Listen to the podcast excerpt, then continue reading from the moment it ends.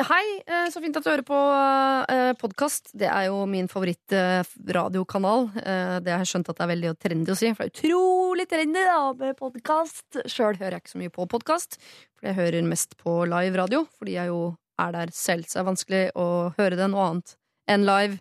Og hadde jeg podkastet det selv for å høre på det etterpå, så hadde jeg vært per definisjon gæren. Men det er ikke du! For du har jo vært et helt normalt menneske som har ønsket å høre Lørdagsrådet, og det setter jeg kjempepris på. At ikke du er gæren. Uh, for jeg er ikke så glad i gærne folk egentlig. Men hvis du er gæren, så, så, håper jeg du får hjelp da, til det, sånn at du kan bli et vanlig menneske som jeg kan bli glad i. da. Nå har jeg ikke lyst til å snakke lenger. Ha det. P3. Dette er Lørdagsrådet med Siri Kristiansen. På P3. P3. God morgen og god eh, lørdag og eh, god eh, halloween. Du har kanskje allerede begynt å pakke masse godteri ned i små, hendige poser som du kan gi til de nydelige barna som ringer på. Like hyggelig hver gang. 14., og 15. og 16. gangen. Det blir så hyggelig. Og du øser ut godteri som du har kjøpt for mange, mange hundre kroner. Å, for en dag dette skal bli. Men det er mange timer til.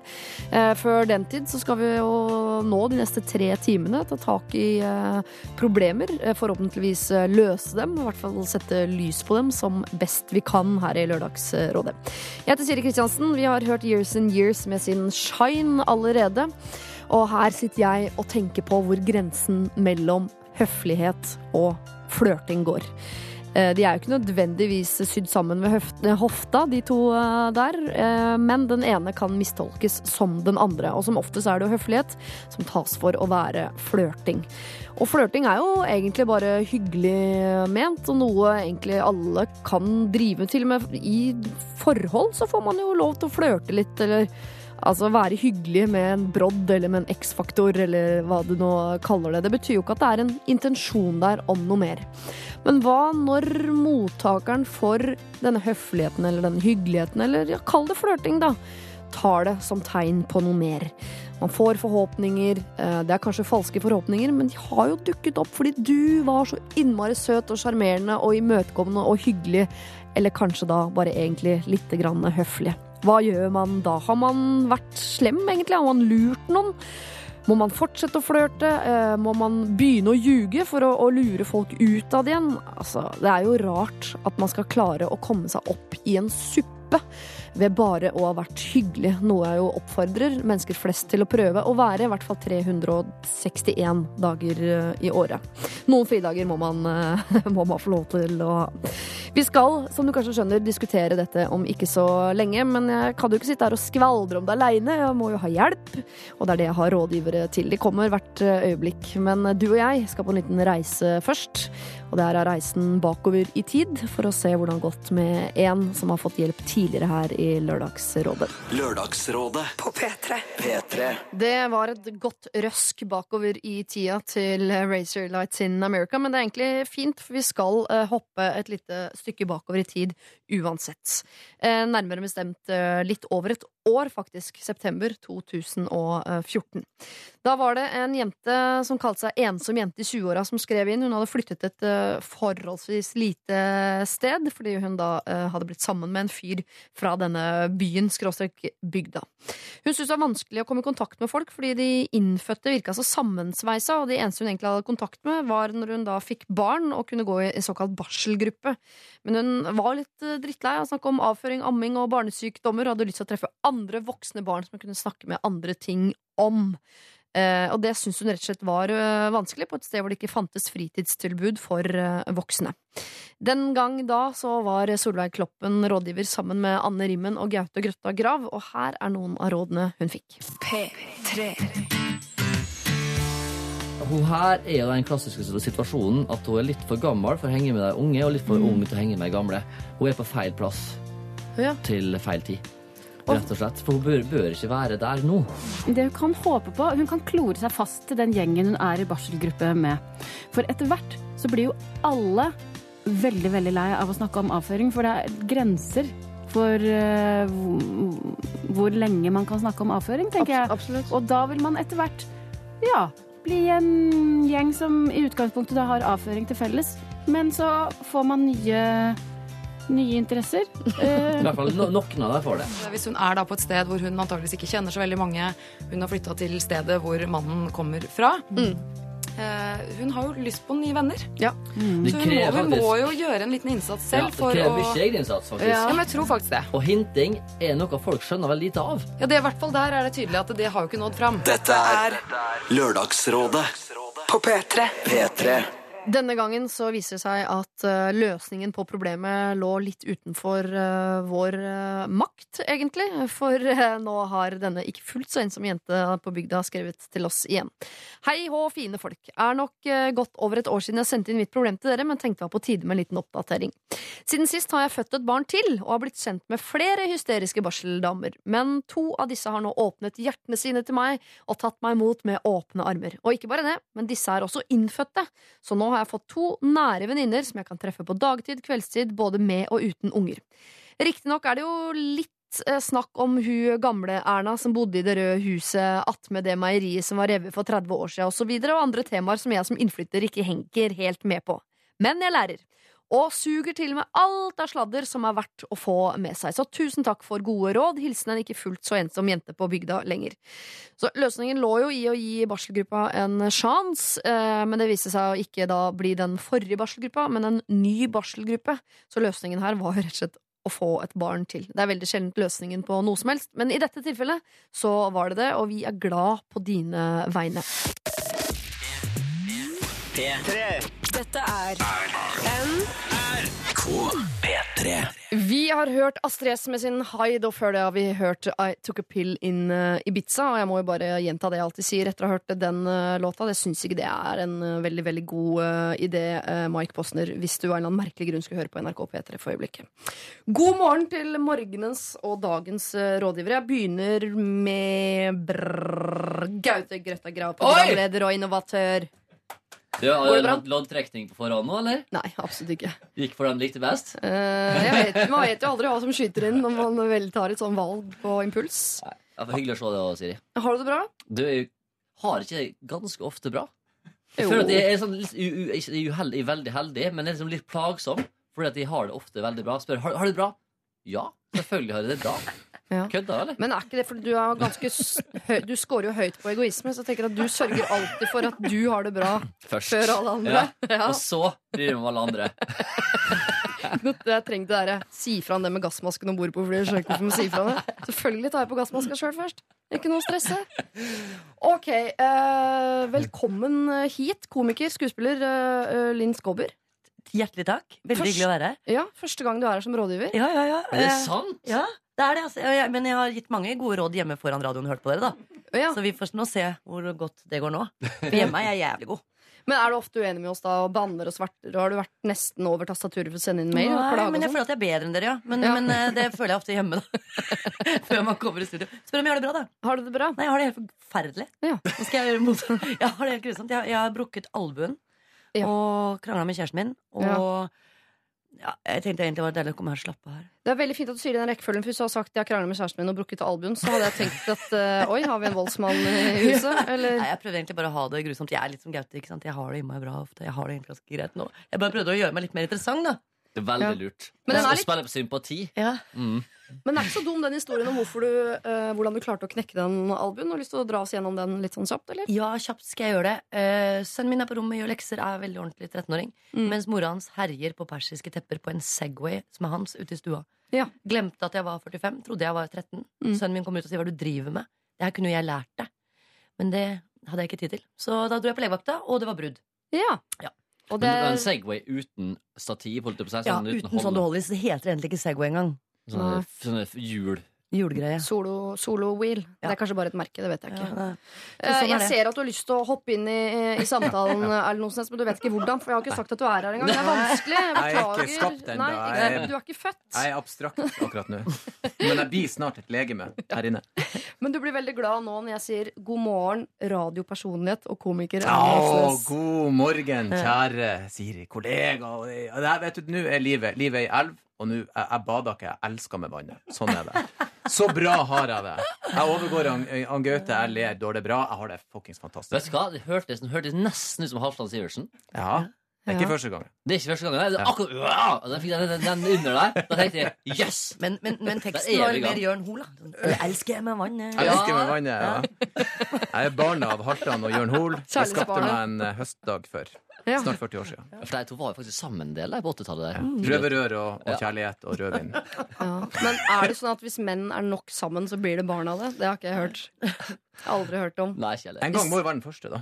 Jeg er en prototyp i mitt tid, kan man si.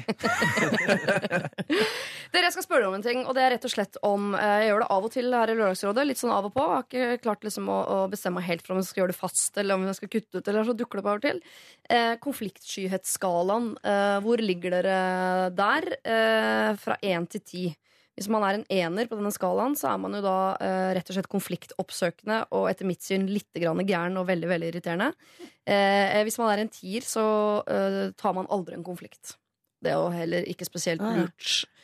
Er det, vil du begynne, Gaute? Altså, du, er- du kjenner meg så godt, Siri. Du Ja. vil sikkert si tre. At du er en treer? Ja. Jeg er jo ikke Ja. redd for konflikt. Nei. Jeg oppsøker det ikke, men jeg ber jo ikke om godt vann. holdt jeg på å si, hva det heter. Jeg går gjerne i tottene på folk og sier Altså, de kan ikke ha små konger som går rundt på tunet, liksom. Det må få vi, folk må få vite du er en hvor- alfahann. Ja, det Ja. vil jeg tror jeg nok eh, folk vil si, som Ja. jobber med meg. ja. Men du er da ikke redd for konflikt i verken i arbeidslivet, eh, på kjærlighetsfronten, eh, og heller ikke sånn i det offentlige rom. Nei. Du er av typen som sier fra hvis du s- 'Jeg ba om en medium stekt biff! Dette er medium raw!' Da går jeg opp til fire. Kona, kona mi tar den. Eh, Vi var på ja, Det er en artig privat historie, for eksempel. Det var, vi har akkurat begynt å date, og vi dro til Danmark for å besøke Rolf Arne, min gode kamerat der. Eh, hun får da en, eh, bestiller en chai latte, og får da en kaffe med chai-smak. Og så skulle hun ikke ha det, skulle ha en chai-te. Ja. Og sier tydelig fra om det, og da må Rolf Arne gå ut. Han syntes det var såpass pinlig. Ja. Jeg var allerede godt vant til dette her, så jeg kunne jo bare Da skriver jeg på Rolf Arne som en tier, ja, hvis du skulle få bruk for det en gang. Rolf Arne er en tier. Silje, kona, er en klassisk toer, Ja, du er en treer. Hvordan er det Det er veldig lettvint. For da, er det veldig, det er sånn, da vet du hvor du har folk. Og det disse, som handler om det. Konfliktskyhet er det verste som fins. For da vet du ikke hvor du har folk. Men folk som er knallhardt imot eller for, mye enklere for å forholde seg til deg. Da vet du hvor det er hen, og da kan vi være venner. Sjøl om vi er forskjellige. Ja. Så dere, du og kona krangler aldri, men dere tar opp en del ting ganske sånn ofte? Før det blir en krangel? Helt riktig. Så deilig. at Det er Mm. sånn ser jeg ikke for meg at du, er, Linn. Du har helt rett. Eh, og jeg, jeg, jeg eh, skulle ønske at jeg liksom sa sånn der Man kan ikke gå rundt jeg, eh, jeg, jeg er litt flau over det, men jeg tror kanskje jeg er en nier. Og det tror jeg ikke folk skulle tro. Men eh, jeg sier såpass at det Mm, at jeg, jeg tror nesten sånn diagnostisert. Sånn, sånn, at, at, at jeg er litt vel for glad i balanse i et rom. Jeg er ikke så keen på å starte krangling. Men alle og sier fra. Så jeg har aldri sagt fra på restaurant. Liksom. Jeg har heller liksom invitert servitørene hjem til meg eh, Ja. og skrytt det videre. Da, da er vi over på noe annet. Det handler om annet igjen. Ja, da, da er det på alle plattformer. da Eh, Kjærlighetsliv, arbeidsliv Nei. og offentlig rom. Nei, jeg vil si kjærlighetsliv, offentlig rom. Jeg tror jeg, eh, nei, jobb er faktisk noe annet. Der er jeg litt eh, sprekere på å si fra. Ja. Eh, Jo, det er jeg faktisk. Ned mot en Det- sjuer. ikke sant? Ja. Ja. Men det andre er eh, jeg er råtten på, ass. På Snap. Hø- eh, Høres litt kjedelig ut, faktisk, men det er, jeg er kanskje det. Snapchat. Uh... Jeg, har- jeg har ikke lært meg den. Jeg har lært meg Segway, men ikke Snapchat. Helt. Det har tydeligvis ikke jeg heller. For hva har det med konfliktskyhet å gjøre igjen? Nei, ikke for det, det er jo ingen som ser det. Sånn, På Instagram så ser jo alle hva du skriver. sant? Men på Snapchat kan folk skrive drit hele tida. Jeg, tror folk- eller jeg er ikke på Snapchat, men jeg har inntrykk av at folk skriver bare drit der. For det er liksom hemmelig. Ja, for å være, krang, begynne, å, begynne en krangel. Kanskje hvert Få det ut, Dere liksom. må få Snapchat. Det er deilig. Tenk å gi folk som har dårlig dømmekraft, mulighet til å gjøre hva de vil i ti sekunder. Du får så mye bra på Snapchat! Nei, Det er så deilig! Det er både peniser, det er morsomme Er det? ting det, Ja, det er alt mulig. Ja, for jeg, sa, det var, jeg, Jeg jeg gjorde feilen. Jeg sa ja til alle først. Jeg gjorde det Og jeg får bare sånn en katt på en vei. Ja, Lyng i en bolle. moro. Og da gadd jeg ikke mer. Men du får Det var liksom ingen tiss. Ingenting. Men ti sekunder krangel med noen, det er kjempedeilig. Det er en liten dose. Oi, se hva de gjør. Og så er det borte for evig. Ja, men er det krangel du holder på med da? Nei, jeg, er Eller fortell meg hvordan man kan krangle på Snap. Jeg skjønner ikke. Nei, Det gikk lang tid før jeg skjønte at folk også kommuniserer med Snap. Så jeg har gjort mange sur, for jeg aldri svarer, aldri møtt opp. De bare sånn Kino klokka ti, så tror jeg Hva mener med det? Er det en slags melding? Er det underholdning? Jeg forstår ikke. Og så drar jeg ikke. Så du sendte bilde av penisen en Ja, jeg returnerte penis med en gang. Jeg trodde det var det. Banka ut et penisbilde der. Hvis du er i tvil, send penis. Som pekte på klokka ti. Da er vi inne på noe. Nå snakker vi. Penis klokka ti. Da har vi en date. Det er gøy. Hvordan er du på uh, konfliktskyhet, eh, Erlend? Utad terningkast ti. Eh, hjemme terningkast tre. Men det er mye for at jeg er litt barnslig og egosentrisk og sutrete. Du er glad i balanse, du òg? Ja, jeg, jeg er veldig konfliktsky. Jeg klarer ikke at noen Altså, alle må være glad, jeg så må jeg dra. det er mitt slagord. Mens hjemme så kan jeg være sånn Hei, den brødposen her blir ikke å gå rundt brødet av seg sjøl. Det tør- det koster penger, det. Jeg er han fyren. Men ingen hjemme tar meg seriøst, da. Nei. Så jeg er egentlig en tier sånn all around, da. For kona mi var bare sånn Å, du. Så går hun. Ja, ok. Og det fungerer òg. For hun er, hun er østlending, ikke sant? Nei, Nå. hun er fra Sandnessjøen. Ja, okay. Og de kødder du ikke Nei, det er med. det. Damer fra Sandnessjøen, jeg lover deg, der kommer du til kort. De har to fedre, apropos. Ja, ja, ja. De, Stort sett to de er fedre. ala opp av fedre. De vet hva de gjør. Ok, Nå har dere jo egentlig sagt ganske mye om sivilstatusen, som jo er eh, noe vi må gjennom her. For alle har jo bare nevnt kjæresten og kona i det hele tatt. Men bare så vi eh, har det på det rene. Gaute, du er gift, har to barn. Mm. To. Og så er det noe dyr og noe svigersønn og greier. Og Ja, nå er det to katter, og det er én hund og to hester. Og så er det veldig mye sau, da. Ja, 60-70 stykker som er på slakt. ja. Ja, ja. Dreper du alle hvert år, eller bare barna? Mest barn. Mest barn. Ja, barnedrap. Så, men det er det som smaker best, da, vet du. Ja, Det ja. er akkurat det. Ja. Så på mange av bedre restaurantene her i byen så spiser du edelt lam fra, Fra gården til Gaute. Det blir, det blir veldig bra. Selger du til Det er jo storveis. Det er jo Ja, ja, ja, det- kortreist og Ja, ja, det, det, sikkert det, er jo organisk. fem, det er jo 50 mil, da. Eh, ned hit. Ja, ja, det er det I Nord-Norge er jo 50 mil det er jo kortreist. Det er jo ingenting. Nei, Det er naboen. Gaute er så kremmer. Det kommer du til å skjønne i løpet av eh, disse timene du er her. Jeg kan tjene penger på bæsj.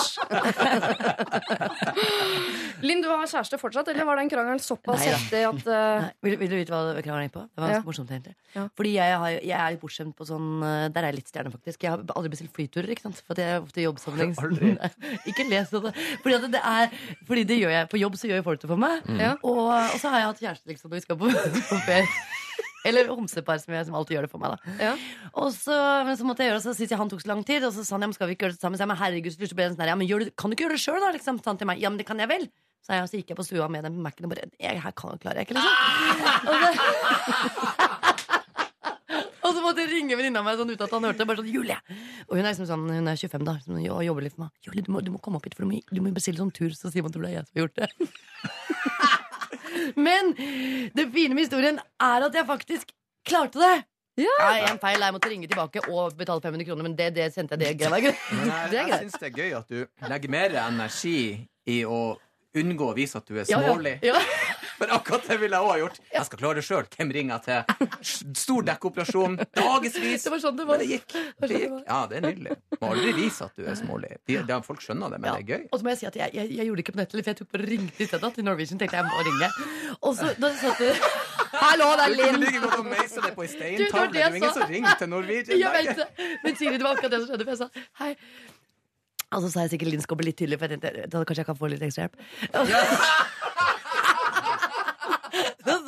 hei, det er Linn Skåber. Og så sa han bare Linn Skåber, tuller du? Nei, jeg tuller ikke.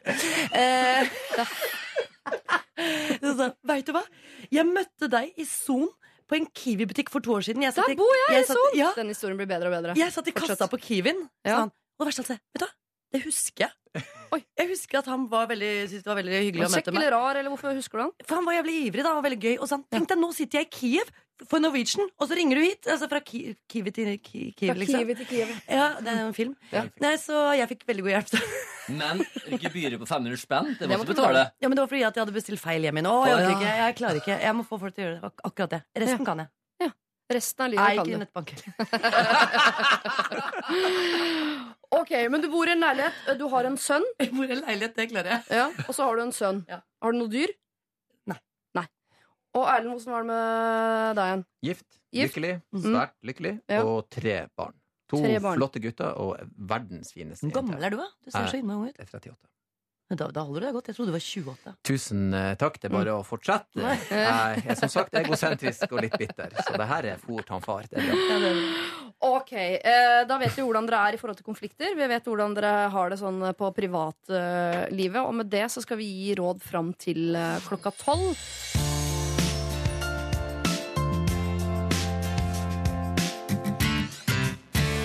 Vi har fått inn et problem fra Maria, som ikke ønsker å innlede et forhold med en pensjonist.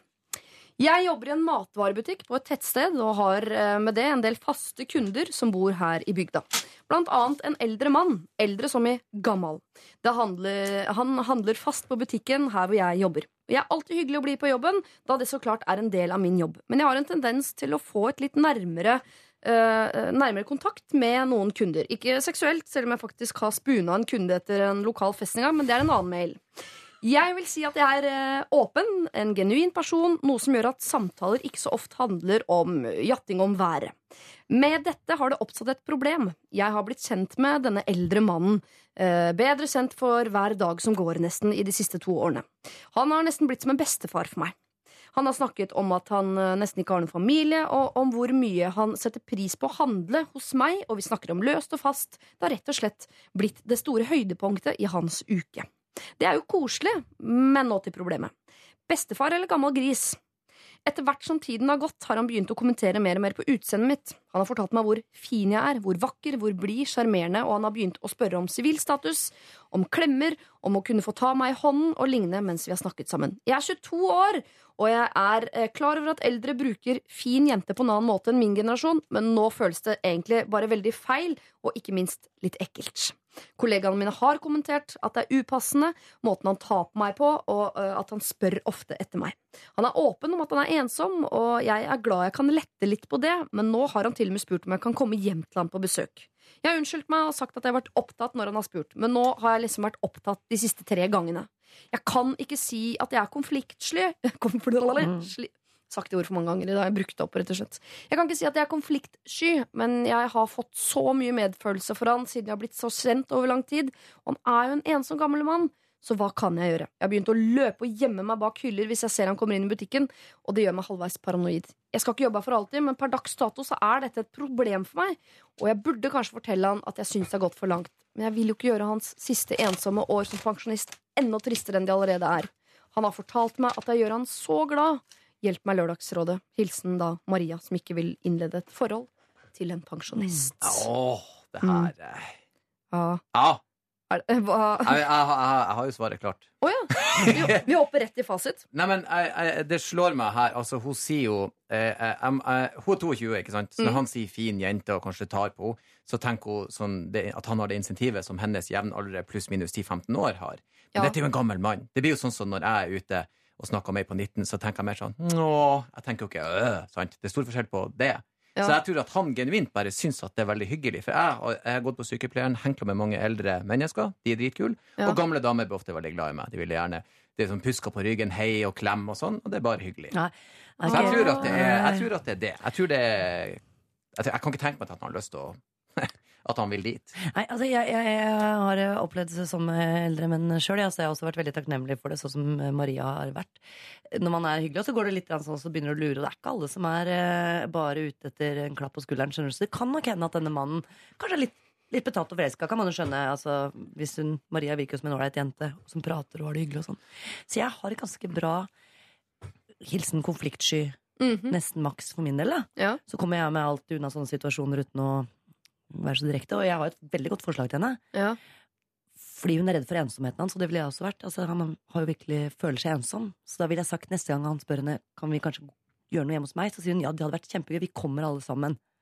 Vi alle Ja. som jobber her. Ja. Ikke da? Så, som jeg blir enda hyggeligere, antageligvis, for da kan han si eh, ja.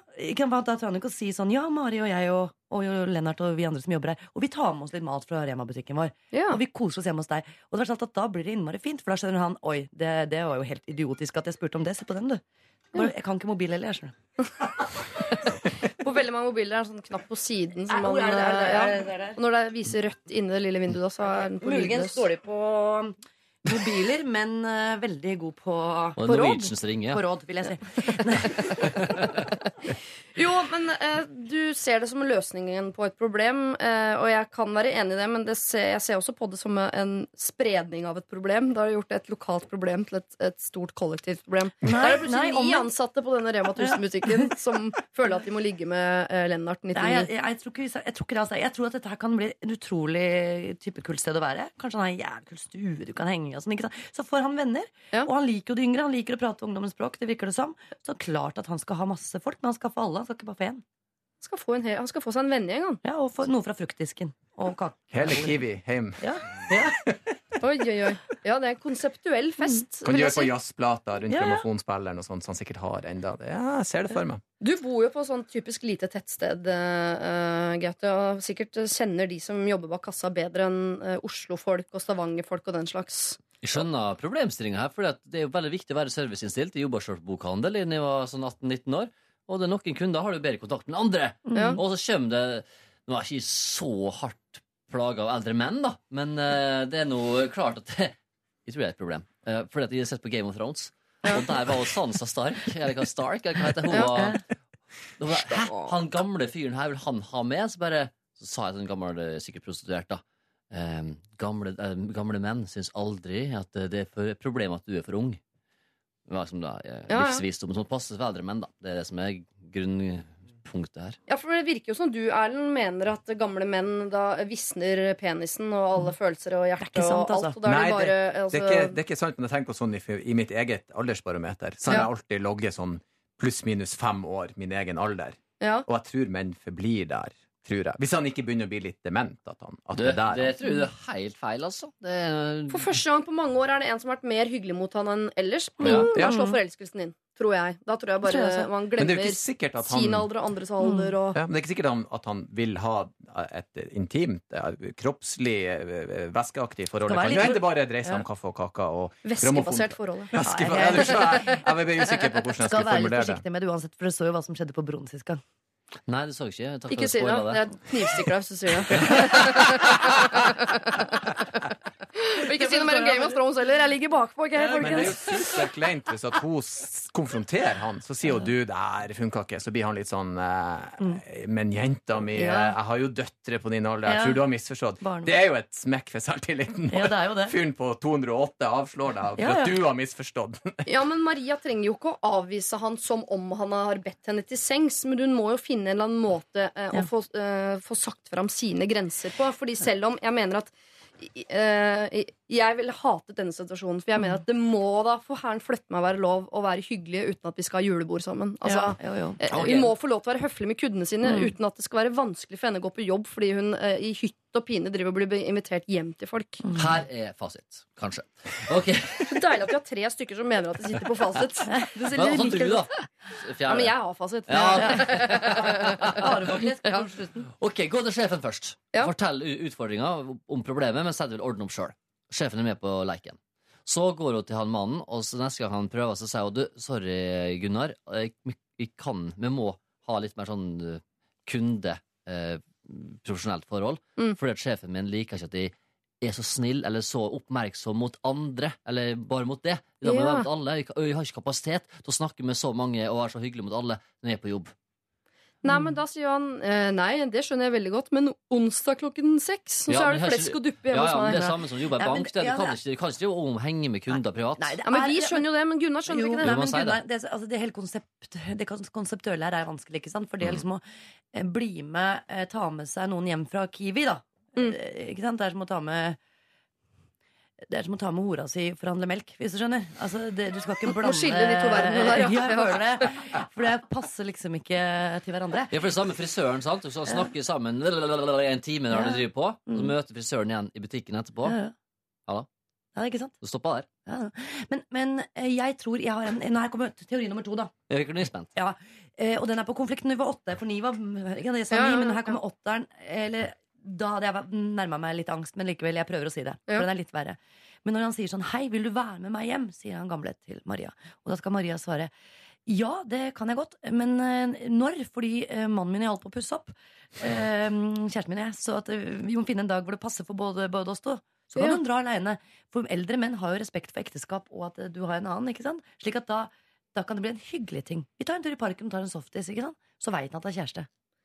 Ja. Eh, igjen, altså Nå kommer dere mange løsninger som er basert på, uh, på løgn. Jeg hadde håpet at noen skulle foreslå at eh, Kan hun ikke bare Vi kan ikke, vi har konflikten i Ja, vi, vi to. Vi, Gaute må foreslå noe kjipt. Det gjør han jo for så vidt. ja. Det er kjipt. Det er kjipt. Ta sjefen inn i det her. Men ikke glem at denne gamle mannen her Han liker Maria. Og hvor godt han liker henne, og på hvilken måte han liker henne, sånn, det vet vi ikke. Men hvis han liker henne, så må han også eh, kunne forholde seg til eh, at hun sier at her går mine grenser. Mm. Så hvis de allerede er fortrolige med hverandre, de har fortalt om hverandres liv Det er rart om det plutselig har dukket opp en ektemann der, for eksempel, Ja, det tror jeg. Ikke sant? Men det kan jo hende, det kan hende at, liksom, at det kan utvikle seg følelser. Du kan jo gå for den. Kanskje, kanskje Ja, dette her kan ja. bli Hugh Hefner Lev, og Kiwi-damene. Lev litt. Ja, lev. Prøv en årgangsvin. Ja, enig. Ikke ekskluder det. Nei, ikke vær så jævla negativt. negativ. Ja, Fær hjem til han og se hva han Ja. pakker, i hvert fall. Se om det er noe bra der. Det kan jo hende han har svær gård og, og Kanskje han har det er noen knust av Viagra nå de siste 15 årene uten å få brukt det til noe. Altså, vi to er så konfliktsky Ja. at uh, vi, vi, vi, vi, har- vi, vi hadde blitt med hjem først, ja. Jeg ordnet noen nei. lett. Jeg spooner med deg, jeg klarer ikke å Ja, ja, knuse hjertet ditt. Da må jeg gjøre om konfliktskyhetsskalaen. Si sånn, er du en ener eller en tier eller en 'jeg ville ha ligget med en 90 år gammel mann'? Altså, det er ytterste konsekvens. Tenk om det er skikkelig koselig. Da den trivelige karen som henter kaffe på senga og Jo, mer, altså, øh, øh, det er et artig forslag, men kunne hun ikke vært med, Har hun ikke en kveld å avse uh, for å være sammen med en gammel mann som hun syns er hyggelig? Nei, nei, slutt, slutt, slutt med det greiene her. For det er sånn enkelt. Når du er på jobb, er på jobb. Og når du er ferdig på jobb, så er du ferdig på jobb. Du skal ikke begynne å dra med deg folk fra jobb hjem hvis du ikke har lyst. Omvendt, Jeg har gjort det mange ganger. Ja. Det har du òg. Ja, Jon Almaas fikk kjørt seg Vi jobber ikke i. TV, ute, vi jobber på er enklere. Ja, men omvendt er lov. Når det. Vil hun vil ha med seg folk hjem. Men du skal ikke dra med noen hjem, for du jobber jo bare med dyr. Så det er så...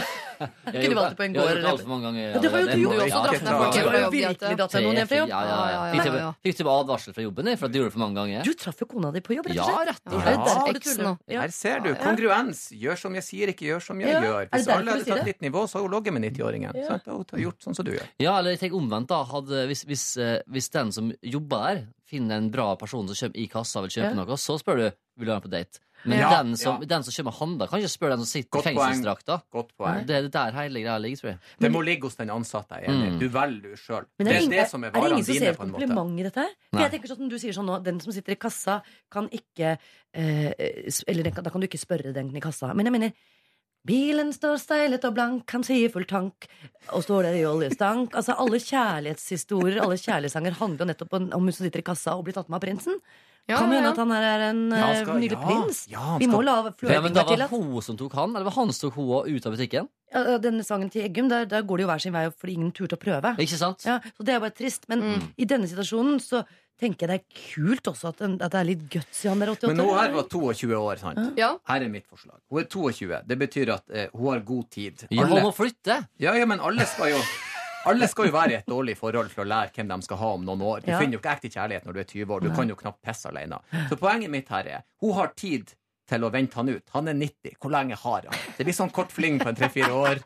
Det blir noe arv her. Det blir gode erfaringer. Jeg ser meg enig, altså. Jeg syns at hun må eh, leve litt. Mm. Ja. Ja.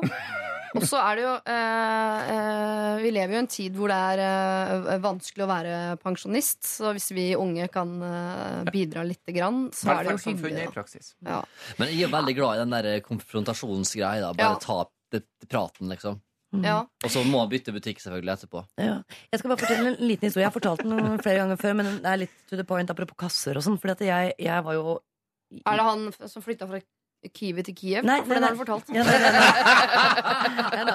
Nei, det, det som skjer, eh, apropos hvordan følelsen er med folk i kassa, ikke sant? uten at jeg veit det sjøl, er at jeg, jeg treffer veldig mye folk, og av og til så kjenner jeg folk igjen, og av og til ikke, for det er liksom mange jeg treffer når jeg er ute og går og sånn. Men jeg kjenner alltid på sånn følelsen Er du et kult menneske, så husker jeg en følelse. ikke sant? Deg, deg liker jeg, liksom. Så kom det en kar bort eh, ganske lenge siden nå, så, så utenfor Meny, og så ser han, og så ser han meg, og så ser jeg at begge to blir litt sånn glad, og så står vi og holder rundt hverandre, og så må jeg si liksom Unnskyld, jeg du må hjelpe meg litt, jeg husker ikke helt hvor jeg har det fra. liksom Men jeg merker at begge to var veldig varme. Og, jeg, og han utstrålte så mye godhet for meg. Og så sa han eh, nei, jeg jobber på Vinmonopolet i Markveien. det er sant, altså. Oi, oi, oi. Så jeg står og henger rundt halsen til han som jeg føler gir meg gode vibber. liksom Men han har jo på mange måter hjulpet deg gjennom kneiker i livet. ja, men det jeg føler, jeg tror kanskje jeg flørta litt med han også. Ja, men kasse og flørting, det, det er jo bra. Ja. Det skal vi det skal vi i hvert fall ikke si nei Nei, takk nei, til. nei, Det gjør man alltid. Man får med navnet deres på navnelappen. Og så sånn, Hei, Ja. Kjersti, har du en bra dag i dag? Og Hva er på tilbud? Sant? Ja. Det er åpner i Ja, og så en blinker du. Hva er på tilbud? Ja. Jeg strides, eh, jeg strides litt grann med å lande dette her. Fordi jeg har en eh, Jeg hører eh, Gaute sin stemme veldig høyt og sterkt her i forhold til at For hvis dette hadde vært meg jeg ville ikke ha reist hjem til Gunnar på kvelden for å være grei. Så grei er ikke jeg. Eh, da, og jeg hadde ikke ligget med han eller innledd et tre år langt forhold eller sånn bare for å være grei. Det, det, altså, det har jeg ikke i meg, rett og slett. Eh, men jeg syns man skal ha noe av det i seg. Jeg liker tanken på at hun kan og det har hun jo fra før. At hun kan gi han noe. Han er en ensom mann. Han har ikke så lenge igjen å leve. Hun skal ikke gjøre livet hans noe vanskeligere. Likte du ikke den der med de alle folka? Jo, det er faktisk Ja. det jeg skal fram til. Jeg lurer på om eh, rett og slett eh, en god idé her er å ta med seg flere fra butikken Mm. hjem til han. Men kanskje få det til å ikke virke som sånn dette skal bli en sånn hver onsdagsgreie Mm, nå. For jeg skjønner at det har, ikke, det har ikke de kapasitet til å sette av. Men kan de ikke da, for denne gamle mannen sin skyld, gjøre en dag i livet hans bare til en utrolig kul dag? Ta med frukt fra fruktdisken Mm. og kake fra kakedisken. Så drar de hjem til han.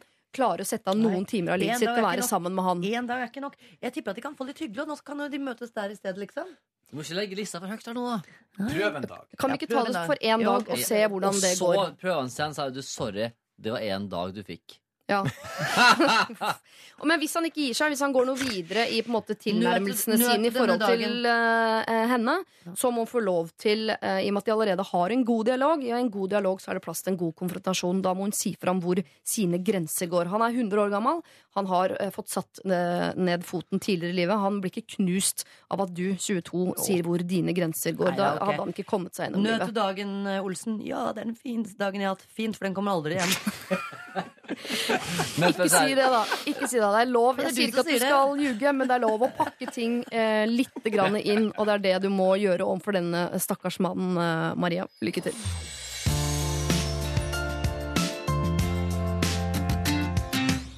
Ok, The Band Called O med sin låt Zip Bags and Airports. Det er veldig mange ord satt sammen til noe som kan minne om en setning, men som jeg ikke skjønner hva betyr.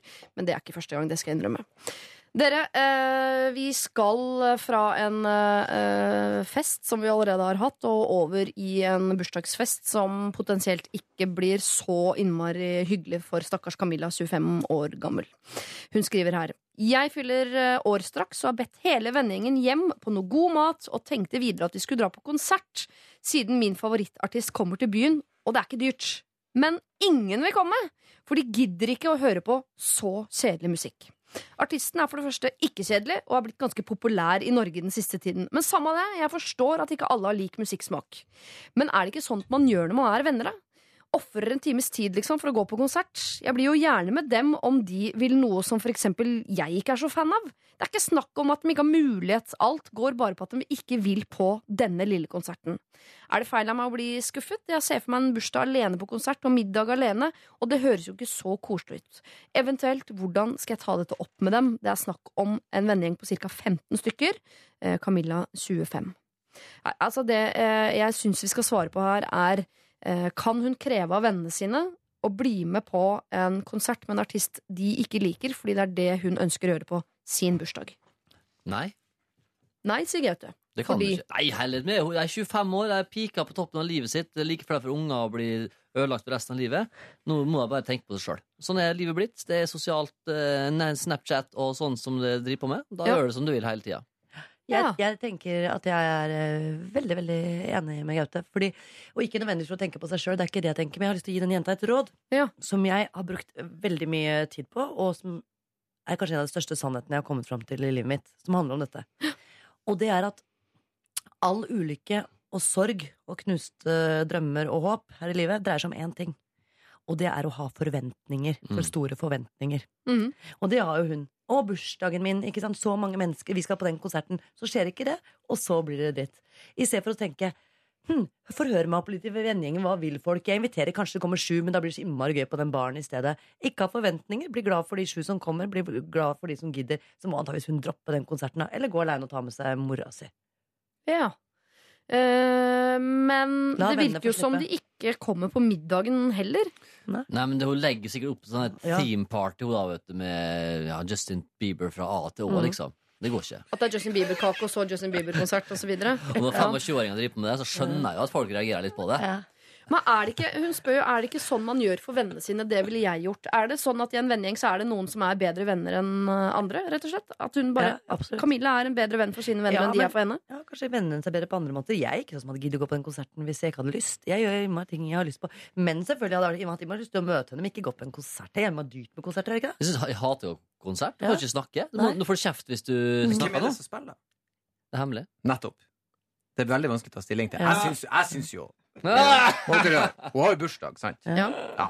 Og, og jeg ville jeg, jeg, jeg, eh, Camilla, jeg kommer. Bare send tekstmelding. Så kommer han Erlend, i hvert fall. Jeg syns at det må du gjøre. Hun har bursdag.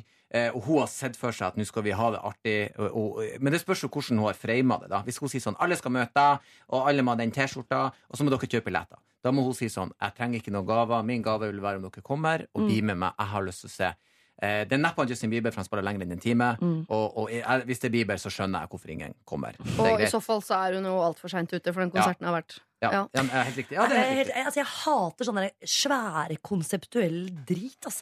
Jeg tenker på bryllup og sånn som jeg blir invitert til. Ikke sant? Jeg, jeg, kan ikke, ja, men ikke, jeg kan ikke si hvor, da. For at, men la meg si at jeg blir inn, selvfølgelig i, i bryllup i Paris, da. Mm. Hjertelig velkommen, liksom. Ja, Ja, er- ja, jeg skal faen meg ta flybillett, flytur, kjøre en 30 minutter med buss, komme meg ut i Toskana, eller altså, det var i Italia, men altså, du skjønner Ja, ja, konseptet her. Og jeg blir så forbanna ja, at jeg, jeg tenker sånn, hvordan kan du forlange at jeg skal bruke fire dager av min tid på at du skal gifte deg? Jeg synes det er litt frekt. Så jeg tenker sånn at da hvis jeg skal gifte meg, så skal jeg søren ta igjen for alt det her. Skal jeg gifte meg en time utenfor Harstad. Så du må ta fly til Narvik, og så må du På Skifjell. Ja, Time utafor. Der møtes vi. Sånn, Du, det bryllupet har jeg vært i. En time utafor. Har du det? Ja, flydd til Narvik. Det er så konseptuell alt mulig. Ja. Og der skal du Sov i et fjøs i Ja. to dager, og så eksen min gifte seg. Ja. Tuller du? Og du dro Det er god for å være en god eks og god venninne. Ja, det, jeg tok det som et eh, eksperiment. Men det var veldig koselig, altså. Men var, Masse var, det, var, det plan, inspirasjon. var det planlagt at du skulle ligge i fjøset, eller var det hjemme Ja, det for visste eksen? jeg. Nei, nei, nei, alle lå i fjøs. Alle lå i fjøs. Det var kjempekoselig. Men nå Men kan det du er en benytte anledninga her til å få nye venner. da For hvis, hvis hun inviterer 15, ingen vil komme, Mm. så er det jo mulig at hun har lest en del signaler feil. Ja, jeg enig. Og hvis hun da allerede har en interesse i den konserten, så vil hun jo finne mennesker der som liker han Ja. eller hun artisten. Ja. Ergo, her er det mulighet for bonding. Så Mm. kan hun si sånn 'Jeg har bursdag og har litt bonger og sånn. Kanskje dere vil sitte i lag med meg?' Nå ble det veldig trist, da, men Ja. det kan bli en kul ting. Her Fær alene. jeg vet om en som garantert kommer. Ja. Vet du hva? Artisten. Nei. du? Nei, ja. Han i kassa fra Ja. forrige Gunnar. Ring han Gunnar. Du, der har vi jo brobygging. Det er jo fantastisk. Men Vi vet dere, igjen. det, det, kan hun ikke ringe til vennen sin og legge det fram på en hyggelig måte sånn eh, Nå vet jeg ikke eh, Hun er 25 år, så det er ikke noe heltall. Hadde La oss si hun hadde vært 30. Da sier sånn Jeg blir 30 år, dere er mine bestevenner. Det jeg har aller, aller, aller mest lyst til som feiring av meg, er å gå på denne konserten. Eh, men jeg tenker at kanskje hun skal være litt imøtekommende på at jeg har kjøpt billetter.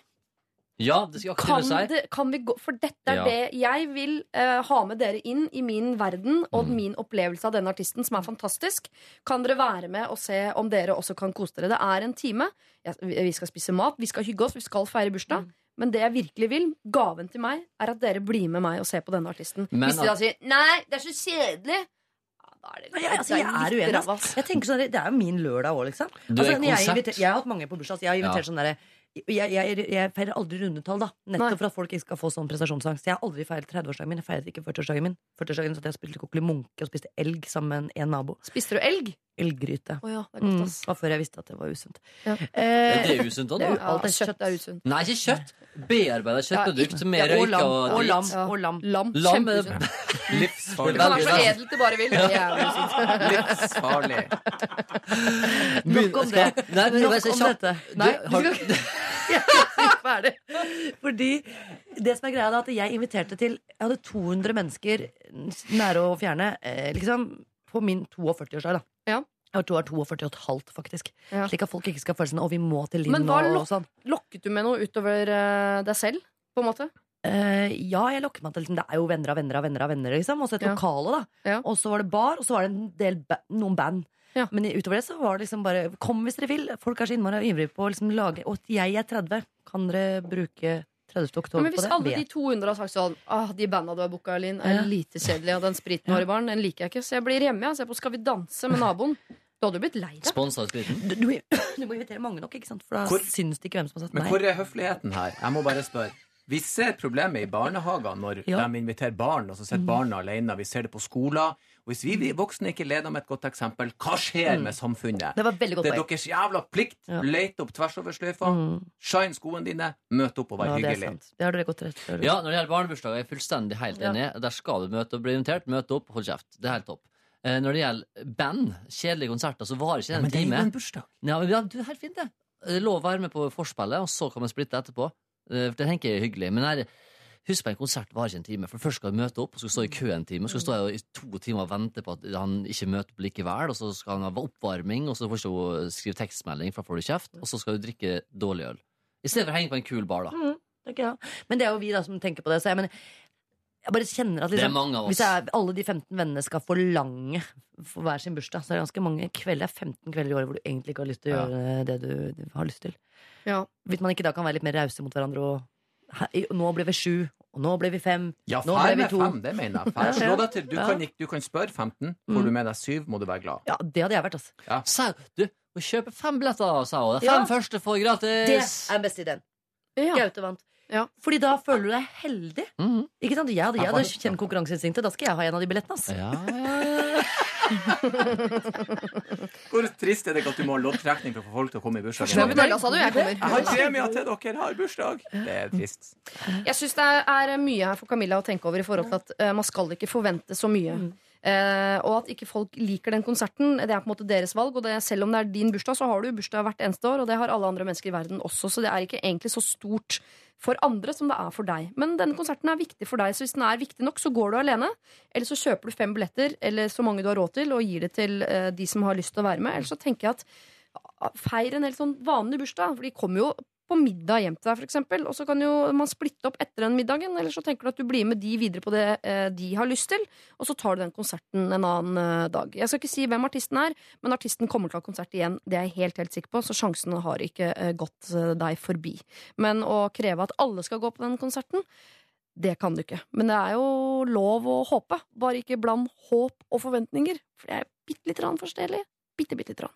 Har du et problem, så send det inn til oss. Eh, Vår mailadresse er eller alfakrøll.nrk.no. Lørdagsrådet med Siri Kristiansen. På P3. P3. Kjære Lørdagsrådet, jeg trenger deres hjelp. I starten av september slo jeg opp med kjæresten min, som jeg da hadde vært sammen med i fire år. Eh, noe jeg hadde gått rundt og tenkt på det siste halve året. Bruddet kom bardust på min eh, nåværende eks, ettersom jeg ikke hadde gitt uttrykk for at jeg hadde mistet følelsene mine for han. I sommer hadde jeg et internship hvor jeg møtte og falt pladask for en dansk jevnaldrende fyr. Med andre ord har det vært litt overlapping mellom gammel kjæreste og ny flamme. Om noen uker skal jeg besøke denne danske flammen, og jeg gleder meg noe helt vanvittig. Men så til den litt kinkige situasjonen. Jeg bor i samme leilighet som min eks. Vi studerer utenfor Norge, og jeg kommer meg ikke ut av leiekontrakten uten å måtte betale i dyre dommer. Vi har en vennskapelig tone, jeg og eksen, sover på hvert vårt rom i en svært romslig leilighet og omgås ikke så veldig mye. Men forteller jeg eksen at jeg skal til Danmark, eller lyver jeg og sier at jeg skal hjem til Norge? Eksen er klar over at det er en ny fyr inne i bildet, og er ikke så veldig happy for eh, at det tok så kort tid. Så skal jeg skåne han for sannheten, eller skal jeg fortelle han det som det er? Hilsen Lene, hodestups forelsket i en utrolig kjekk og vanvittig bra danske. Her er inhabil, for jeg er jo forelsket i alle dansker, så jeg tenker jo Ja, jeg er mitt, men ikke Samme sant? Ja. Eh, Jeg forstå- elsker sånne utfordringer som det der. Det er Ja. Sånne problemer er det beste som finnes i verden. Du er psykopat. vet du. Det er sant. Men psykopater har ofte gode, angst av det. har gode råd allikevel. Hva, Ja. tenker, eh, hva tenker du, da? Altså, her har du to valg, da. Ja. Er enten lyge eller si sannheten. Ja. Og det kuleste er jo å si sannheten. At nå har jeg funnet en fyr og drar til Danmark. Og deal med det. Så slipper du er det. Det er kjipt en dag, og så blir det litt rart etterpå. Men da, da vil en av deg kanskje enten flytte, eller så vil en, en bli. Og så, sånn er det bare. Livet er enklere ved å si hvordan det er. Han er jo litt tilbakestående, han fyren, da, som ikke skjønte at forholdet går litt dårlig hvis jeg har vært skranta et halvt år. Hvis du ikke tenkte på et halvt år at ikke det her går så bra. Er, Så han- veldig, er han ikke bare en vanlig mann, da? Oh. Ja, jo, men jeg tror det er ganske typelig altså, jeg, jeg, jeg, Jeg har. Nei, jeg, jeg, har ikke forskningsrapporten fysisk i hånda mi, men det er noe med at eh, menn ofte er fornøyd i større grad enn kvinner med at Det det er tralter og går. Ja. Så det, de ser nok ikke problemet uh, like fort som det uh, jenter gjør, som kanskje problematiserer krisemaksimering Jeg litt skal tidligere. til. Danmark, møte en, eh, han nye fyren. Ja. Det gleder jeg meg til. Du kan drite og stille noen spørsmål, fordi at de har ikke noe det forholdet lenger. Men det hun sier ved at hun er ærlig på dette med Danmark, eh, er jo at hun på en eller annen måte også røper denne overlappingen, som jeg tipper hun ikke har fortalt om tidligere. Det skjønner jeg. Kunne sagt det på en måte som liksom gjør at hun inni seg selv vet at hun har sagt sannheten, men så han ikke helt skjønner hva hun skal likevel. Så, Så hun, Norge han kan ikke ta henne på det, ikke sant? Hvis hun sier sånn derre Ja, jeg skal til Danmark, hva skal dere? Ja, ja, ja, skal vel på tivoli, liksom. Så, ikke sant? Så, så hvis du If you know what I mean. Ikke? Så Ja. tenker han Ja, du sa jo du skulle på tivoli. Nei, nei, jeg sa jeg skal på tivoli. If you know what I mean. Så har hun Ikke sant? Så har hun jugd og sagt sannheten på en gang. Ja. Det er det konfliktskyet. ikke sant?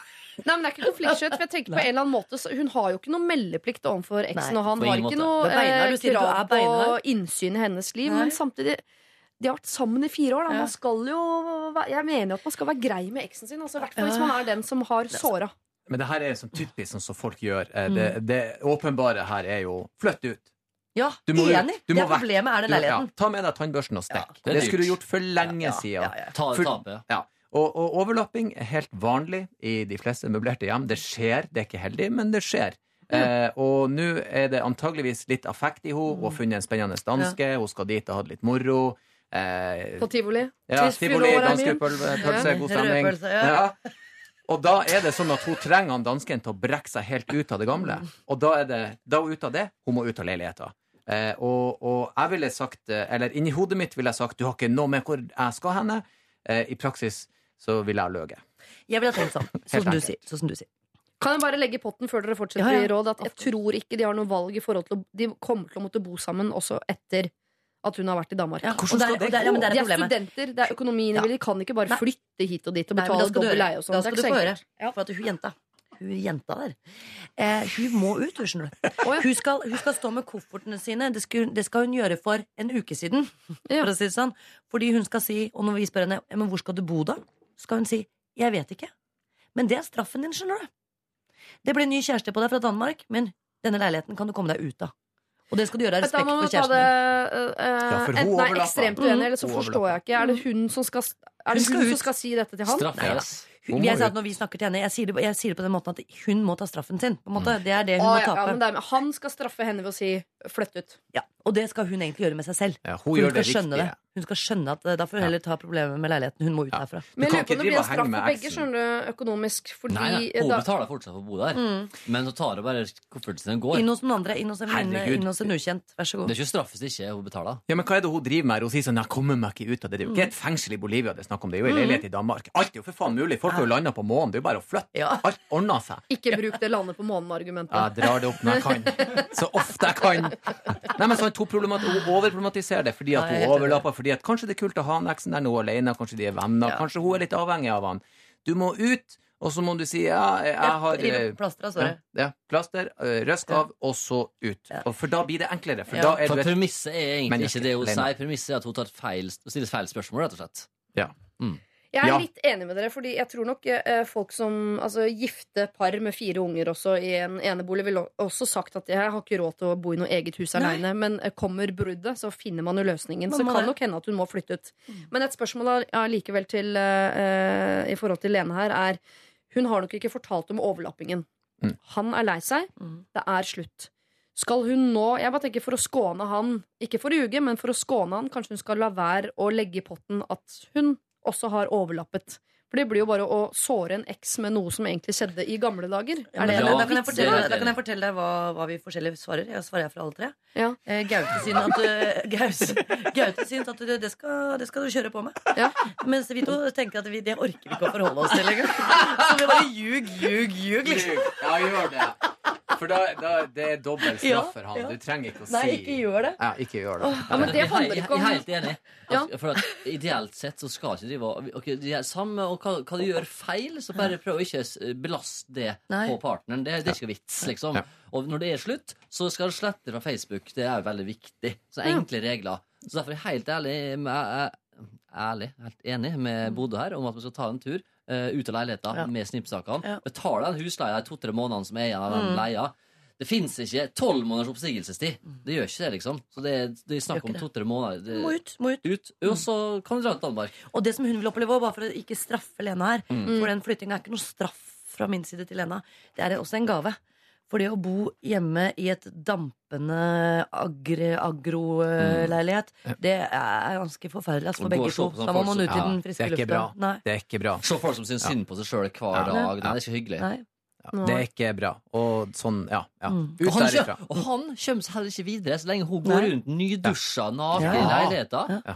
Dårlig gjort. Ja. Kom det ut. Det hun kan gjøre eventuelt, er å legge på seg litt, slik at han ikke er så sur for å vise Ikke. Ikke noe danskepølse og bli litt ja. rund, så skal du se at det ordner seg. Men vi kan jo si det på denne sitt. måten, da, kjære Lene, at hvis du ikke hadde bodd i denne leiligheten, så hadde du ikke hatt dette problemet. Nei. Og da har du egentlig litt valget mellom å ha økonomiske problemer eller å ha et problem som henger over skulderen din til enhver tid, som legger demper på den forelskelsen du egentlig har gående i Danmark. Det er et retorisk spørsmål fra oss til deg. Her kommer fasit på hva vi mener at du skal gjøre. Du sier du ikke kan flytte. Det må du nok dessverre gjøre. Eh, Du reiser selvfølgelig til Danmark og koser deg i hjel med den nye flammen, men ikke fortell eh, noe til eksen som gjør at han forstår eh, at det har vært en overlapping. Han er lei seg nok som det er. Han trenger ikke flere ting opp i sin eh, sorg som gjør at han blir enda mer lei seg. Der handler det ikke om å ljuge, der handler det faktisk om å skåne. Lykke til, eh, Lene.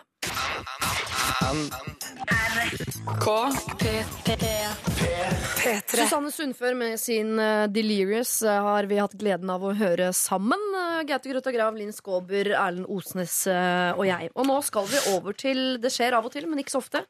Et problem som kommer fra programlederen sjøl. Eh, la meg fortelle. I dag er det halloween. Det er dere kanskje klar over. Mm. Eh, selv er jeg litt ambivalent til eh, hele opplegget. En del av meg er sånn herregud, skal vi bare eh, åpne all post fra Amerika, eller kan vi sende noe i retur? Eh, samtidig så har jeg jo barn i den gruppa som syns at halloween er større enn jul og bursdag og nyttårsaften til sammen. Eh, og jeg klarer ikke å si ja da, jeg vet at alle vennene dine skal kle seg ut, men du skal være hjemme i kordfløyelsbuksa di og se på Skal vi danse med mor. Får ikke det til, altså. Så jeg sender nå guttungen ut jeg, på halloween-kjøret. Gjorde det i fjor og kommer også til å gjøre det i år. Men jeg vet av erfaring at det er eh, folk i umiddelbar nærhet til der vi bor, som er veldig imot halloween, eh, og kommer til å svare i år som i fjor. Nei, vi holder ikke på med det greiene der, vi. Ha det.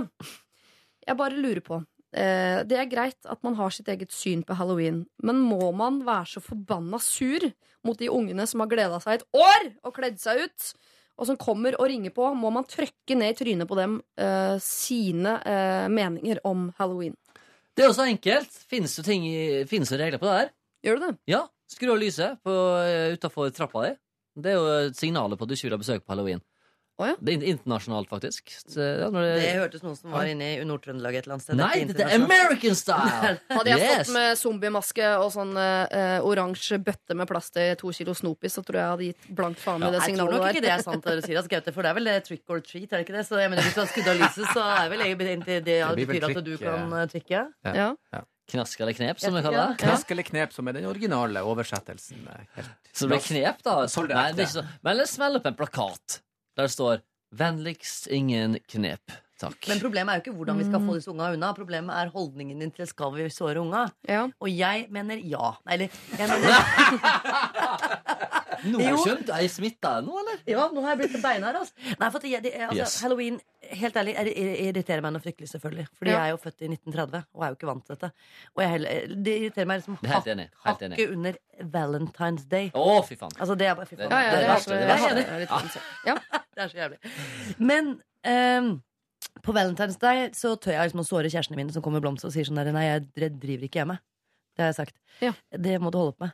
Men eh, med barn syns jeg det er litt verre. mm. For at jeg synes vi kan eh, Enten må vi skremme livskiten av dem, så de aldri tør å gå ut på halloween igjen. Komme ut av døra og si 'jeg har kutta meg begge beina, kan du ringe ambulanse?' Eller, altså, noe som virkelig sånn ille, slik at ambulansen kommer og setter i gang litt sånn Husker du den gang på halloween? Ja. Traume. Traume? Nå har du glemt hvor glad unger er i ambulanse. Da sier de Blålys. Si fra når blålysa kommer. Ja, det er sant. Eh, Eller så kan du gjøre som noen her i NRK gjør, veit jeg. Det er sånn bare ljuge for unga og si Det var det var en som jobba i NRK her, som sånn Ungene sa 'Å, pappa, pappa, fins det sånn NRK-julebord?' Og det gjør det jo. Ja. Med Labbetust og Ante og hele alt opp igjennom som har vært på TV.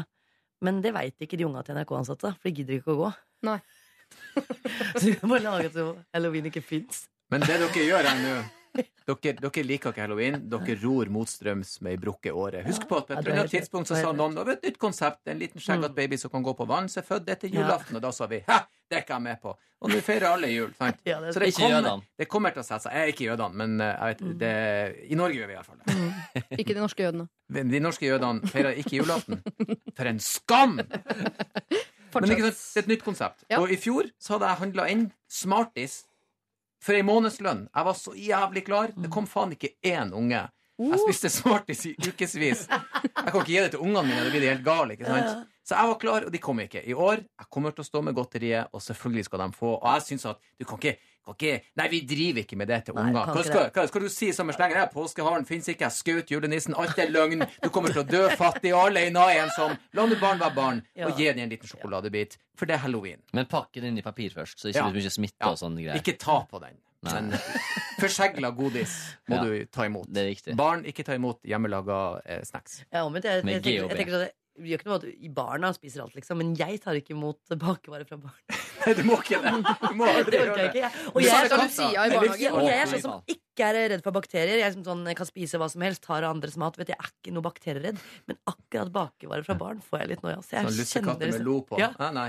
FN FN-dagen i barnehagen, liksom. Det er Ja, klassiker. det er Det går ikke. muffins og rå inni. Nei takk, det Nei. går bra. Klar meg. Jeg spiste middag før jeg kom. Ja. Med ett svart hår i det gule. Jeg spiste middag før jeg kom. Det går bra, gutten min.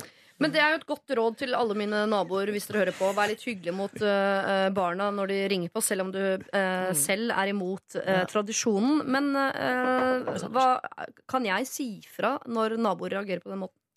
Ja, det ville jeg gjort. Jeg, jeg ville sagt nei, men kom igjen, liksom. Eller gjør som vi gjør i min gård, bygård. Mm. Bor litt mer urbant enn deg, vil jeg si. Men du Ja. kan gjøre det samme, tror jeg. For vi har jo sånn Facebook-side som alle i gården har. Og da står det sånn der På fredag kommer alle unga til å være med på halloween. Og fins det noen sure der, så sier de det på Facebook. Og det er lettere også å si sånn Nei, men kom igjen. Altså, kan vi ikke være litt greie her nå? Da er det lettere å si sånne ting. Ja, du Det kan burde jo- starte en Facebook-gruppe for nabolaget. Ja, Ja, ikke for halloween, men for hele nabolaget ditt. Ja, det, Ja. er, det er jo oppfordret jeg alle til å gjøre. Det er veldig ålreit. Men, men gå fullblod som bjørnemamma på naboene dine. Er det du Mm. gjør? Du går ut to dager før. Så sier sånn, du, det er halloween, ungene kommer. Hvis han sier sånn, vi driver ikke med sånn, så sier du sånn, du har faen meg med å være hyggelig med mine unger. Jeg så rygger over katta di mens du ser på. Mm. Han kommer til å bli livredd og si det til de andre. Så når du kommer på halloween, så bare, «Å, da, hun er fette gal, lett Mm. frem godteret. Her må vi smile pent. Og så har du fiksa det. Men, men veit, vi veit jo hva folk som er gærne. er Ikke? Hva da? Vi veit jo hva folk som er gærne i nabolaget. Ja. Det er bare å unngå deg. ikke? Jo, det er helt sant. Jo, men nå høres det ut som det er meg, da. Som Ja, skal- ja, men du er jo Det er. Er det bare du som Nei, er på halloween? Du kan jo si at vi kommer rundt. Det hadde vært hyggelig om, om for ungene mine gleder seg. Vi skal ha med noen Det andre være, unger. kunne vært hyggelig om du kunne late som du var hyggelig i hvert fall en dag i året. Ja, prøv å være et menneske i en liten Her, oi, smart. Du kommer med godteri til deg, Ja. som de kan gi til ungene dine.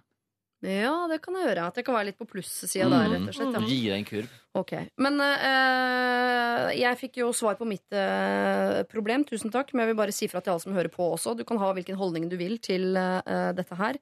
Eh, men når folk kommer og ringer på, så vær uh, litt grann, eh, hyggelig, da. Det er gøy for unga. Det er gøy for voksne òg. Det er mange voksne folk som skal kle seg til monster i dag. Og dra på fest og ligge med andre monstre. Det, det skal jeg akkurat sier Ja, det er i det dag de skal. zombiene formerer seg. Ja, ja, ja. Sånn der, og sånn der, hva heter det, sånn cosplay-greier? Cosplay? det? Nei, det visste dere ikke hva var. Det er sånn det kler seg ut sånne figurer. Det er de som sitter på Oslo S i sånne kyllingkostymer. Ja, ja, ja. Mm, det er veldig skumle greier, Altså. Ja, Men det er jo veldig- hvis jeg- De som har halloween hele året. Ja, ikke sant? Men jeg tenker sånn det, liksom, det, er det jeg føler, da, eller det er sikkert uh, du også føler, Erlend, er liksom at det har blitt pressa litt på oss. ikke sant? Og jeg er åpen for det, for jeg har hatt en gutt Nei, han er 13 nå, men han har jo syntes dette har vært kjempegøy hele tiden.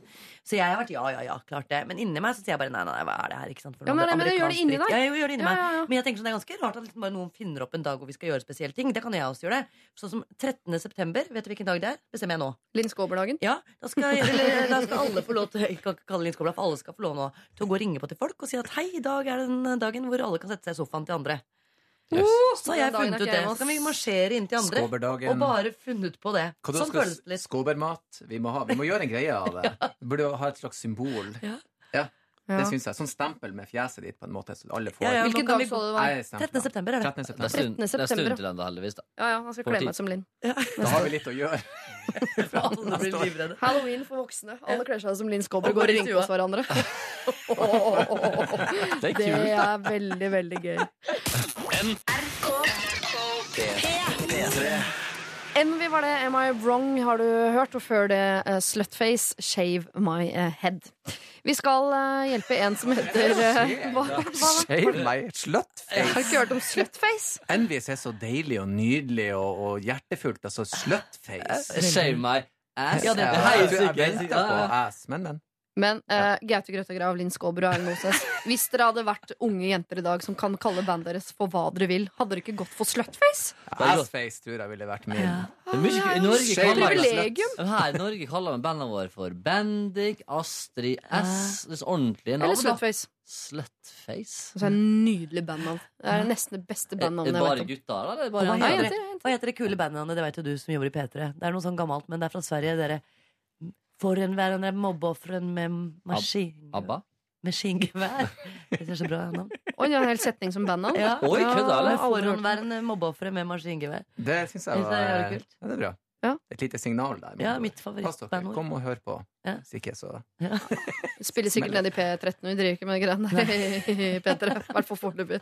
Ok, dere, vi skal hjelpe uh, Petter. Han skriver Jeg har fått et stort problem. Jeg er homofil og har fått meg kjæreste, men Å ja, siste nei, men det vi kan si da Du kan teste ut litt, og så prøve å gifte deg. Det er akkurat det han skal, Linn! Akkurat det han skal. Forrige lørdag opplevde jeg det som mest sannsynlig er det koseligste på denne jord. Jeg ble fridd til, og jeg vet at han er den rette. Men det er noen i min nærmeste familie som verken vet at jeg er homofil, og som i tillegg er homofobe. Jeg setter familien min veldig høyt, men hvis jeg skal svare ja, så må jeg også fortelle dem at jeg er homofil. Kjæresten min vet hvordan situasjonen er, og på bakgrunn av det spurte jeg om eh, jeg kunne vente med å svare til han kommer tilbake fra en jobbreise. Det var ok for ham. Han kommer snart hjem. Lørdagsrådet. Hva skal jeg gjøre, Petter? Jeg Du, du må jo aldri si til kjæresten din at du må vente mens jeg tenker på det. Men han har nå gjort det, da. Det. Selvfølgelig skal han gifte seg. Det er jo hans livsmann. De skal jo være i lag. Ja. Ja, for folk som ikke takler det, de, de skal ikke takles med heller. Nettopp. Det, det, fin- det finnes ikke. Det, sånn må det bare være. Men han har stor respekt for foreldrene sine. Det ikke? Og de tenker litt annerledes. Det er vanskelig. Det er, det er Ja, jeg kjempevanskelig. skjønner men vi må stå opp for det igjen Men foreldre må våkne, fordi Ja, ja. at det blir akkurat som om at jeg skulle sagt Sønnen min Mm. kommer hjem med dama si, så sier jeg nei, fysj! Du skal finne den en mann å ha sex med. Du kan ikke kreve det av et menneske. Folk må jo få være mennesker, og det må jo foreldre forstå. Og husker, jeg ikke om så på sånne VG flytte sånne nettroll, da. Mm. Og så bare intervjua ei dame som var så veldig imot eh, innvandrere. da Bare hata innvandrere. Og så bare Men han er gift med siden siden av det, er ikke han egentlig fra Syria? Ja. Jo, jo, men han, ja! Han er ikke innvandrer, han er mannen min! Ja, Og det er sånn det blir med homofile òg. ja sånn blir det. Sønnen min, han, han er ikke sånn homo. Han er jo, han er jo bra. Ja, han er ikke sånn skrulle, han er en bra fyr. Ja, ja, ja. Og mannen hans er kjempetrivelig, han er til og med snekker. Sant? Altså, jeg må jo si at jeg har så mange homofile venner, og de er jo de av min vennegjeng som har holdt ut lengt med hverandre, så jeg må jo si jeg tror på det. da altså, jeg, De har vært sammen i 20 år og sånn. Gift i 20 år og sånn. Ja, ja, ja. Men når det er sagt, så må jeg jo si at nå kan du høre for, Nå kommer konfliktskyheten min opp i ti. Ja. Løsningen for meg jeg tenker, sånn, Hvorfor må du gifte deg hele tiden, da? Hvis det er kjempeproblem, så tenker jeg kan ikke la være å gifte deg på en stund, da. Hvorfor må han fri nå? Det er jo bare for å presse kjæresten sin. Han skal bruke en del år til å fortelle, bli åpen om det, snakke med folk rundt seg. Gifte seg med en gang? Kan han ikke bare vente i fem år til å fortelle? Det er et bra spørsmål, for Ja. han sier jo at han har det veldig Ja. veldig fint nå. Så det er jo ikke, strengt talt er det ikke nødvendig. Nei. Altså. Men de, de driver på i skjul, da, tydeligvis. Ja. Men eh, jeg driver på med et program som heter Farmen av og til, og da er det Innom vi finner folk, da. Så kommer det av og til inn folk bare, Ja, jeg er homofil og bør være med på Farmen. Jeg bare, ja, men ok, du er homofil, men ja, so what? Mm. Det var spennende i 2001. Mm. Eh, så legning er bare så lite interessant, da. Mm. Om du er transseksuell med homofile tendenser, så ja, gratulerer med dagen. Mm. Eh, fortsett med det. Men nå skal dere være klar over at vi eh, er jo ganske unge alle sammen og bor på steder med Ja. mer enn 14 Ja, innbyggere. Eh, Vi skal ikke så veldig langt utafor bykjerner eller så langt opp i alder før dette her er vanskelig for folk. Mm, og Og uansett hvor lite vanskelig vi syns det er, så syns eh, enten pappaen eller mammaen eller ja. onkelen eller sånt til Petter synes det er fryktelig vanskelig med homofile eh, forhold. Men skal Altså, jeg bare tenker På et eller annet tidspunkt Petter kan ikke gå gjennom et helt liv uten å Mm. fortelle foreldrene sine at han er homofil. Uh, Eh, men han kan jo gå gjennom noen år nå og være forlova uten altså, Han kan jo velge selv Ja. når han forteller hva. Mm. Han kan vel til kjæresten sin kan han vel si ja. De kan være, hvis de er homofil, hemmelige homofile, så kan de vel være hemmelig forlova.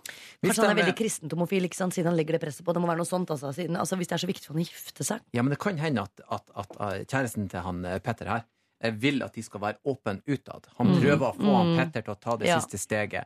Og da må han Petter komme ut og begynne å leve. Du kan ikke skjule den du er, og det er ikke noe feil. Og det er egentlig, som Gaute sier, ingen som bryr seg, egentlig. Det er deres private rom. Gjør det dere vil gjøre. Det, det har ikke noe med noen ting å gjøre. Og da må du på et eller annet tidspunkt kaste den bøtta med kaldvann i fjeset på far din og la han få et lite sjokk, da. Eller om det er mor di eller tante eller onkel, hva det måtte være. Og så får de bli vant til temperaturen etter en stund, da. Og de, de, de kommer jo til å akseptere det. Og hvis de ikke gjør det, ja, da er det rom for andre mennesker i livet ditt. Ja. Men det er vanskelig. Jeg, jeg vil si jo det samme til deg. Jeg vil egentlig gjenta det du sa, men det er klart. Det er som Siri sier. Det er jo langt, langt av gårde, kanskje. Og både fysisk og psykisk. Så det er Det kan vi si. Men vi kan fortsette å si det. Vi kan fortsette å si det helt til Petter Ja, jeg tror det er viktig at eh, vi ikke gjør folk usikre på greiene der. For det det, det må ikke. Man bare komme ut, si ifra. Sånn, som jeg- og, og det å leve på for andre sine forventninger, det skal vi i hvert fall ikke gjøre. Vi skal være forsiktige med våre, våre egne forventninger òg, sånn sett. Men begynne å leve livet mitt sånn som jeg håper at mutter'n og fatter'n ønsker det skal være. Det, det bærer feil av Det sted, altså. Nei, gjør det. Så bare gjøre det. Ja, for det han egentlig spør om her, er hva han skal Gjøre. eh, svare når denne uh, frieren kommer hjem fra jobbreise. Der er vi vel ganske enige om hva det svaret skal være. Ja, der må han kunne ta seg en eh, Ja, vi skal gifte oss, men chill litt. Grann. Nettopp, det var akkurat det jeg skulle si. Det, det, ja. det mener jeg også. Ja. Ja. La han få litt tid. La ja. Petter få tid. Dette er kjempesvære ting i livet hans. Så da syns jeg kjæresten skal hjelpe Petter og Ja, snakke mye om det. Og vente litt. hvorfor sier dere det? Hvor lenge snakker vi To uker? Snakket vi til det? veit det spørs jo på Petter. Da, liksom, Nei, du må, du, må ta, du må utnytte altså, dette, her, dette her ballen ruller nå, vet du. Ja, er det Ja! moment. Man må ha blitt fridd til. Jeg har sagt ja. Hva heter hun? Han heter Nils. Wow! Jøss, bra. Oi, det er, er, ja, man visste jo det. Ja. Antakeligvis, ja. Som regel så vet man Som regel. Ja, ja, det er også deilig at du sa det sjøl. Man har ikke turt å sagt det, men nå Jeg har en venn som Bare en liten nydelig historie på slutten her som kan kanskje inspirere Petter. Jeg har eh, Vent litt her, så jeg skal fyre på litt den Ja, ja, nå er det stearinlys. stearinlyset. Jeg har en venn som nå er, eh, la meg si, 43. Nei, han er ikke han er eldre, men han er 45, 46 eller 45 eller 46. Han kom hjem selvfølgelig og grua seg som alle andre skal, eller gjør. Eller gjør når de ikke skal, men gjør når de skal fortelle at de er homofile. Da var han 16. Og faren er prest, vet du. Eh, så han fortalte faren at jeg er homofil. Og da sa faren da vil jeg gjerne få lov til å vie deg den dagen du velger å gifte deg. Åh. Og jeg var i det bryllupet. det er koselig. Da var han voksen. Det sa han da han var 16 år. Ikke sant, Petter? Dette er en sånn inspirerende historie. Mm. Dette er en veldig veldig Ja. inspirerende historie Mm. eh, som du skal bruke til det du nå skal inn i. Hvis du vil gifte deg, så er jo svaret på spørsmålet ja. Mm. Det svaret skal ikke være avhengig av hva de rundt deg måtte mene. Eller sånn. Og hvis du trenger litt mer tid på å fortelle familien din det, så har du all mulighet til det. Du lever jo allerede eh, under en hemmelig paraply, og hva du putter inn under den paraplyen, det er jo samme det. Du må fortelle det en eller annen dag, selvfølgelig, eh, men akkurat nå skal du konsentrere deg om kjærligheten, at du har blitt fridd til, at du skal si ja, at dere kan begynne å planlegge, og gjør det der om til noe positivt, ikke gjør det om til noe negativt. Det er foreldrene dine som gjør dette til noe negativt, Kan jeg, og kan og det skal ikke du bli med på. Hviske en liten ting til slutt? Hvisk inn i Ja, for jeg tør ikke å si det høyt. Nei. Det er veldig mange bra folk som eh, lever uten familien sin fordi de er duste. Ja, ja. Det er lov å slå opp med familien sin hvis de er skikkelig skikkelig duste. Det er egentlig et godt råd til alle problemer som blir sendt inn hit til. Lørdagsrådet. Helt enig. Dette er er Kjære Lørdagsrådet. For ett år siden fikk bestevennen min låne sykkelen min da hun skulle sykle ned til T-banen. Tre dager senere sendte jeg melding og spurte hvor sykkelen min var. Står den ikke på T-banen, fikk jeg som svar. Verken jeg eller bestevennen min eh, var hjemme og hadde derfor ikke muligheten til å gå og se etter den. Tre dager senere igjen fikk jeg dratt bort og sett, men da var den selvfølgelig ikke der lenger. På dette tidspunktet hadde bestevennen min eh, mye økonomiske problemer, og så konfliktsky som jeg er, så turte jeg ikke å spørre om erstatning. Ny sykkel koster 4000 kroner. Nå, ett år senere, har hun fast inntekt og mye bedre råd, så spørsmålet mitt er Burde jeg spørre om erstatning for sykkelen min, og i så fall hvor mye? Jeg lurer jo også da på hvordan jeg skal ta opp dette med henne. Hilsen Fattiglus på uh, 19. Erlend, du har Åh. fingeren eller Åh. pennen i været. Han, eh, min, min makker i, i programmet vi har her på PT, Rå Åsnes, Ja. han Henning der fjesa, han fikk låne min sykkel. Og jeg hadde en Avalanche GT 1.0, svindyr, fulldempa, karbon, hele pakken. Elska sykkelen. Så sier han sånn, kan jeg låne den? Så tenker jeg, jeg må, så, så jeg må tenke på det. Så sier jeg sånn, ok, du skal få låne den, ta vare på den. Og så eh, går eh, høstsesongen, og vinteren går, og så kommer våren, så sier jeg, hvor er sykkelen? Han bare, «Ah, jeg må sjekke. Så tenker jeg, ok, det lover ikke bra når du må sjekke. Det er en sykkel, liksom. Du har glemt den bakom sofaen. Så han mista den. Ubrukelig fjes.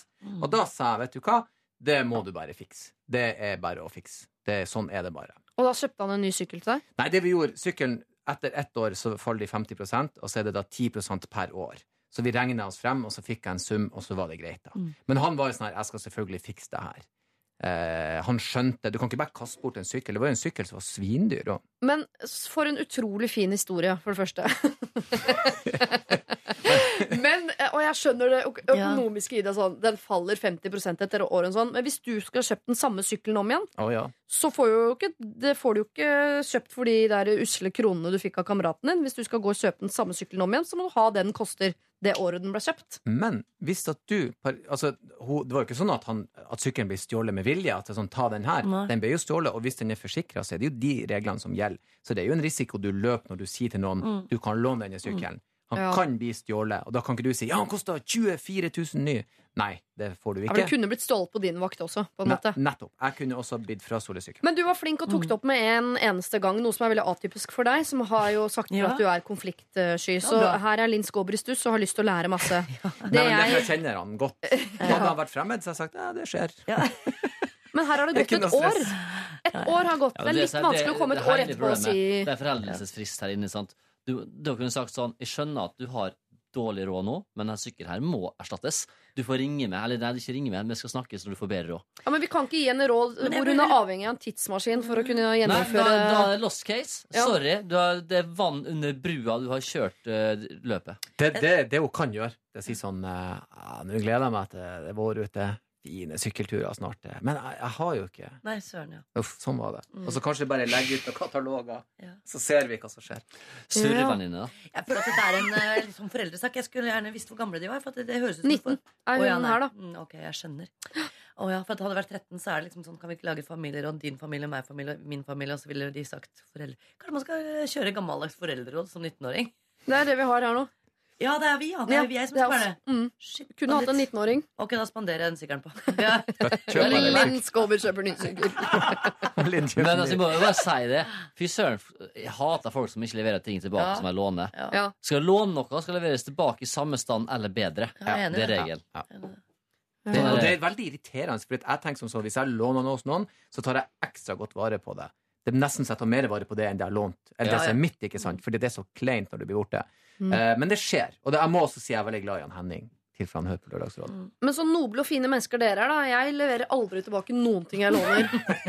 Og det er ikke bevisst, det bare fordi Siri, ting er ikke ikke viktig for meg. jeg, bare, jeg ljuger nå. Ja, Jeg ja. glemmer det så Etter en stund så er det ditt, Ja, vet liksom. du, du aner Jeg ikke. Altså, jeg opplevde, jeg, jeg opplevde at liksom folk jeg lånt en gen, gen, genser fra, og dette er ikke tull, dette er en sann historie, for fire år siden, Ja. så har jeg gitt den bort til en venninne. ikke? Ine Ja. Hansen fikk den. Ja. Eh, og så skuespiller Ine Jansen. Og så går vi ut på Løkka. Så møter vi jo han fyren som jeg lånte genseren av. Ja. Så jeg, Hva er det for genser? Jeg har fått den av Linn. Den er min. Oi, oi, oi, oi. Så jeg er ikke så god på det. Nei. Og jeg gjør det virkelig ikke fordi jeg vil stjele. Det er bare at jeg glemmer det. For jeg er ikke så nøye på ting sjøl, da. Nei, Jeg husker ikke helt ting og sånn. nei helt enig. bort selv, Ja, men jeg Det pleier er jeg, ganske artig, jeg tar den her. Den er kjempefin. Eh, Men jeg er så ærlig at jeg sier fra til folk som vil låne meg ting, så sier jeg du burde ikke gjøre det. For du får den antageligvis ikke tilbake. I så fall så må du på en måte eh, nærmest komme hjem til meg og hente den. Det er, det, det er de valgene du har nå. Jeg skal komme med et litt, eh, litt åndenes maktråd eh, til henne, som jeg tror på. Oi, Nå røper jeg meg litt selv. Jeg tror på at du må gi sykkelen din karma. Kan jeg Mye bra karma for ikke å bli stjålet. Det driver jeg og øver meg på. Jeg hadde en sykkel i seks år jeg, på Grünerløkka midt i byen som aldri ble stjålet. Og det var sånn at liksom Fader, hadde jeg sykkel i går? Ja, stemmer den står nede i byen, den. Og jeg gikk og henta den i seks år. Ble aldri stjålet, for jeg bare stolte på folk. At ikke noen tok den. så hun burde begynne å stole på venninna si. den. Må aldri låse Men var det en GT Avalanche, for de blir stjålet? De Gjør det? Veldig poppe. Ja, jeg hadde sånn kul biker. Ja, sånn der bysykkel. Ble aldri tatt. Ja. Ja, Min, den Men hva skjedde med den etter seks år, egentlig? Ble du punktert? Ja. Nei, jeg skal fortelle. Det var, det var eh, Jeg har testa det ut flere, på flere måter. så Blant annet så tok jeg en verste kom en fyr bort til meg i Markveien som var veldig narkomanisert. Og så spurte han om å få bomme noen penger av meg. Så sa jeg nei, det kan du ikke, men du kan passe på sykkelen min. Den Ja. glinsende sykkelen her. Mens jeg er inne og handler, så skal du få en hundrings av meg. Oi. Så, da handla jeg jo litt fort, da. For det står jo liksom eh, junkie og passer på sykkelen min. Da. Eh, og så kom jeg ut igjen, og da sto det masse junkies rundt den eh, sykkelen. Mens han sto i midten og forsvarte den med nebb og klør. Tusen takk, sa jeg. Det var bra. Vær så god, her er sykkelen din. Så han fikk Oi. sykkelen og en hundrelapp. Nei, jeg fikk ikke sykkelen. Han ga den til meg tilbake. Men han hadde virkelig voktet den. Ja, men Gaute lurer på hvor sykkelen din er nå, siden den ble borte etter Den seks år. ble stjålet når jeg satt på barnesetet. Ja, ikke sant. Å ja! Det er Jo, dårlig det var da den for du gikk. tenker at da stjeler dere ikke. Jo jo, da stjeler dere. Det er penger. Verdi, vet du. Stor verdi. Du økte Nei, nei verdien. jeg, det, karmaen forskjøv seg. Ellers så Det ligger, står for søtt ut. Ellers så ligger svaret i det du jo sa selv, at det var en bysykkel. Og de står det jo veldig mange av Ja, overalt. det er ikke sånn bysykkel, det. Nei, det. det er skjønt. Å, ja. Men dere er tilbake til eh, fattiglus på 19, som nå det har gått et år. Venninnen har lånt sykkelen, den ble stjålet. Kan hun nå gå til venninnen sin og be om erstatning Nei. eh, for sykkelen? I så fall hvor mye? Hun kan. Hun kan? Hvor mye? Nei, du kan jo ikke det! Det er jo livets lære. Det, Jo, det, det- koster penger for å gå på skole eh, i en enkelt land, og her er da det, det koster å lære noe i Norge. Nå har jeg lært litt om livet. Men er det fordi det har gått et år Ja, at du ja, ja. svarer det du svarer? Selvfølgelig hadde jeg Ja, gjort det dette dagen er så etter. interessant. Her sitter vi to og argumenterer for det omvendte. Og så når vi skal si ja, vi svar, så sier vi omvendt av deg. Skjønner du hva jeg mener? Ja, Vi sa liksom ja, drit i det, vi, vi mister litt og sånn. Mens du sa nei, og nå har vi skifta standpunkt. Motfase. Vi har snudd her. Det har skjedd noe. Det har skjedd noe. Det har skjedd noe. Men jeg syns hun kan kreve det, for hun sa jo at hun hadde dårlig råd, og du har jo bedre råd. Så nå kan du si sånn Du, eh, eh, eh, du tjener jo litt eh, penger. Litt penger for sykkelen. Kanskje du sponser bæreren på den nye sykkelen min. Jeg skal kjøpe meg en ny. Men det, eh, eh, fikk du inntrykk av at uh, Fattiglus på 19 sa fra for et år siden og fikk til motsvar 'jeg har dårlig råd nå'? Det tror jeg ikke. Jeg Jeg tror, tror bare Dette har aldri blitt snakket om. Ja. Okay, ja, da, er det, da heller jeg litt mot eh, Gaute her. Fordi at da er det liksom Det ligger ingen forventninger om et oppgjør her. Det var liksom bare greit. Ja. Jeg Men kan også kan ta hjem på en annen måte. Du kan være litt smartere. Så kan du si sånn Hei, la oss si at hun har en labrador. Hun bor på landet og har sikkert en bikkje. Labrador. Hei, kan jeg få gå en tur med bikkja di? Sier hun som har mista sykkelen. Ja, det tar han en liten runde. Det er hyggelig, da, for det pleier du aldri å gjøre. Ja, og så går hun hjem i stedet. Hun kommer ikke tilbake med bikkja. Går hjem. Og så sier hun eh, bikkja mi, hvor er bikkja mi?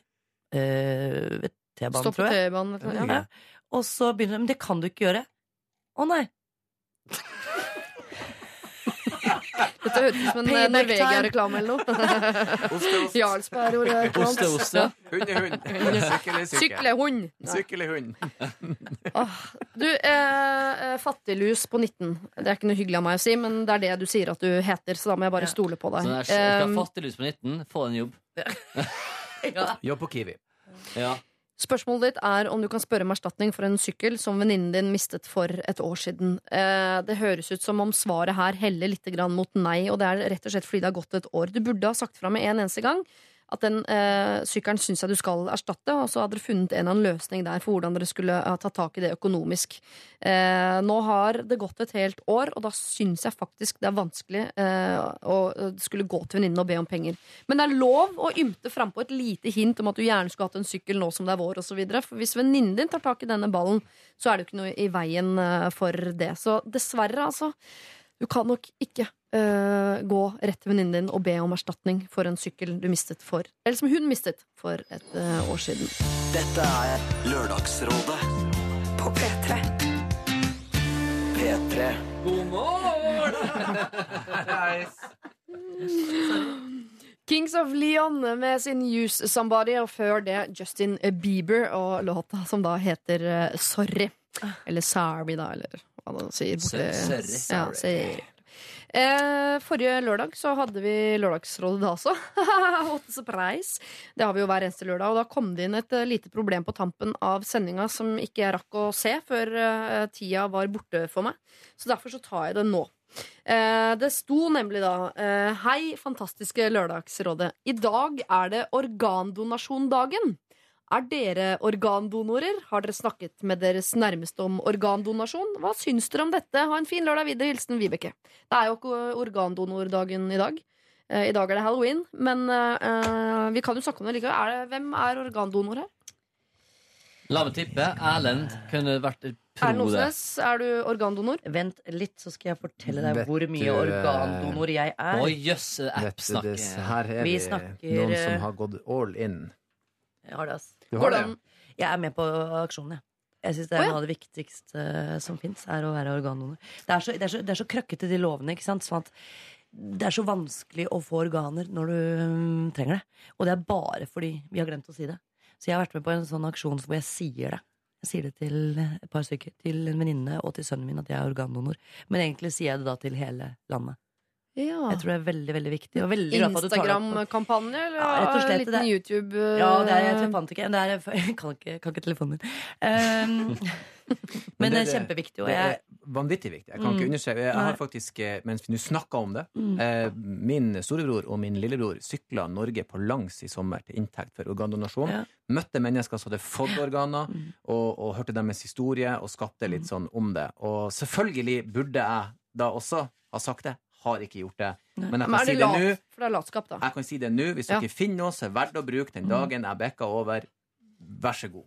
Ta det dere kan Det er- ta. Ja, Men du skjønner at den dagen du da uh, uh, legger på røret, eller drar igjen glidelåsen på pennalet, eller uh, si hva du vil, eh, så kommer ikke de som finner deg langs med veien der, til å bla seg gjennom arkivet til Lørdagsrådet for å se om du kanskje kan ha kommet på og sagt noe noen gang. det. Ja. og Nils. Jeg er organdonor, ja. Og det oppfordrer jeg alle andre til å være også. Men skal ikke vi bare gjøre det? Men la oss alle Det Det er ikke bare, bare de to skal få det. Eh, men jeg kjente Det var mange av venninnene mine som eh, ringte meg og sa at hvis du er det, så er det noen som tinga puppa, for eksempel. Eh, Men albuen din er ikke lenger brukende. da, kan jeg ta puppa hvis det skrur seg sammen? Jo, albuen din er jo ødelagt nå, så den er ute. Er ikke så bra. Ingen vil ha den. Nei. Men jeg har eh, samme erfaring som deg. Jeg har en god venn og jobber her i NRK. Eh, Jeg vet ikke om jeg kan si hvem det er. Men trengte veldig to organer, to svære organer, lever og nyre. Ble ringt opp på kvelden. Nå får du det. Inn til operasjon. Og lever på grunn av eh, organdonor. Nå er det bare du som ikke sier noe, Gaute. For du er imot organdonasjon. Det er litt spesielt. tjene Eneste, han er imot, er Redd Barna og organdonasjon. Men altså, dette er jo eh, Jeg er helt enig, det blir et mye enklere system. Ja, At bare, at du bare krysser over skjemaet, så er fingeravtrykket ditt, og så er det greit. Så vet jeg at han der skal vi renske, liksom, og så få gjort jobben. Eh, Det men hørtes veldig bra Vi må renske. ja, for det, men, det, Han slakter flere hundre lam i året. Han har ikke noe problem med dette her. Ja, men jeg skjønner faktisk folk som syns det er vanskelig å si at etter de dør, så er det bare fritt fram å skjære dem opp og ta ut hjertet, og så kan de grave eller brenne restene. Fordi at i vår kultur så har vi ofte blitt lært opp da til at vi skal liksom gravlegges, så pyntes fine og sånn, og så skal vi gravlegges, og så skal vi ev evig liv videre. Ja. Eh, Men da, du skal, du skal pyntes fin, men du skal bare skjære ut det vi trenger først. Men altså, selvfølgelig, det kjemper i veldig, veldig for at folk driver på og donerer organene sine. hvordan blei det med griser og mennesker? Ja, det går fint. hvordan Grisehjert det- er det egen eh, griserase som avles fram for å grise hjertet til menn og damer og Det visste jeg ikke, så det passer rett inn. Passer rett inn. liksom. Men er det bare hjertet? Nei, hjertet klaffer og sånt. Det er, er mye greier der. Ja, men Så- lever og milt og nyre og sånn. Sånn er det der. Kan ikke noe om det. Nese. Men hør da, vi har, altså, det, som- det som er jo interessant her, er jo at vi må prøve å få i gang forskninga, så vi kan begynne å få fram sånne organ i, i forskningslaboratorium. Så slipper man å sitte og vente i tre år på at den nyra skal komme. At de bare kan dyrke det. Ja, dyrk og fram, ferdig med det. Eller plastisk basert. Egentlig Ekle med det liksom. vil jo høre at vi etter hvert da ja, dyrker noen mennesker, da. Altså, Ja, selvfølgelig. Det er jo Det tre på hvor hud, og så grensa, du et bla, bla, bla. har lagd, Så det er litt skummelt, ja. Men dere, jeg husker jeg ble ganske eitrende forbanna det året jeg fant ut at man øh, Og sånn var det før, sånn er det vel ikke lenger. At man automatisk meldes inn i statskirka, så man må melde seg ut. Mm. Jeg tenker jo at man blir født som organdonor, og så må du melde deg ut av det. Du må si fra, ha god tar grunn, si sånn Vet du hva, jeg, jeg vil bare si fra at jeg kommer ikke til å gi bort mine. At man må si fra om Ja. det, istedenfor å si fra om det motsatte. motsatte. Det Det kan jeg være enig i. Helt enig. Kan ikke bare gå for det, da. Kan ikke legene bare ja, Det er jo ingen som sjekker om fyren har enig, vilt. Ta nå bare, og så få på han dressen igjen. Altså, Det er jo ikke noe stress. Jeg må se om han har lever. Det er ingen som gjør det. Ja, Fyll menneskekroppen med gamle griseinnvoller, da. og Ja, så stapp bruk den. Legg inn reservedeler. Men det er har jo ikke noe, det har jo ikke noe religiøs betydning. Altså, jeg skjønner ikke hvordan du kan være mot Jo, organene. Hvis du er amish, så tror jeg det er litt kanskje grann det, men sånn som du snakker om religion og sånn, så tenker jeg jeg er troende selv, jeg. Men det er jo nettopp derfor jeg kultur snakker jeg mest om. ja, men nettopp derfor jeg kan gi bort kroppen min, for jeg tror at det er sjelen som vel skal videre. Nå Jeg gir jo ikke bort sjela mi, din får du ikke. Sjela mi får du aldri. Kjør meg til Slottsparken.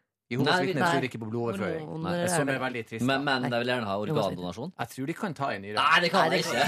Det tror jeg. Nei, men så absolutt ikke. hadde, hvis, hvis det vært en bror eller sånn som spør sånn, kan jeg få nyra di, ja, vær så god, jeg har tatt det mens jeg levde. Ja. Det noe stress. Selvfølgelig gjort det. Tatt, tappa beinmarg. Jeg har vært helt sånn, det er klart gjort det. Ja. Eh, men det er akkurat et eller annet med den derre så kan noen fremmede komme og skjære opp Altså, Jeg skjønner hvis noen reagerer på at Ja. bare blir skåret opp og sånn. Og den, det, altså, det skal ikke være noe sånn gruppepress fra min Nei. side. Derfor er jeg litt sånn nøktern her Ja. nå. Ja. Så ikke være en som sier bare «Ja, 'kjør på, doner i vei'. Ja, ok, har du, Syns du det føles kjipt, så ikke gjør det, da. Jeg, Men, vet- jeg eh, veit hva du driver med, din gamle gnier. Det du driver med nå, er å få folk til å forske. For nå kommer det kjøttet hans til å Ja, ja. selge litt trått. Skal ikke bare selge grisekjøtt, han skal selge griseinnvoller. Gri- griseorganer. Du begynner å dyrke hjerteklaffer hjemme i stua. vet du. Ja, er der pengene ligger snart. Gauteklaffen.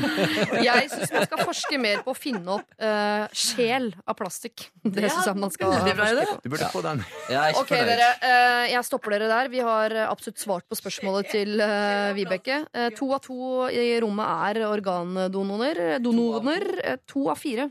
Eh, de to andre er åpne for eh, konseptet, men er ikke per dags eh, dato. Alle, alle er for. Det er ingen som er eh, åpenlyst eh, imot organdonasjon eh, i dagens rådgiverpanel. Så veit du det, da, Vibeke.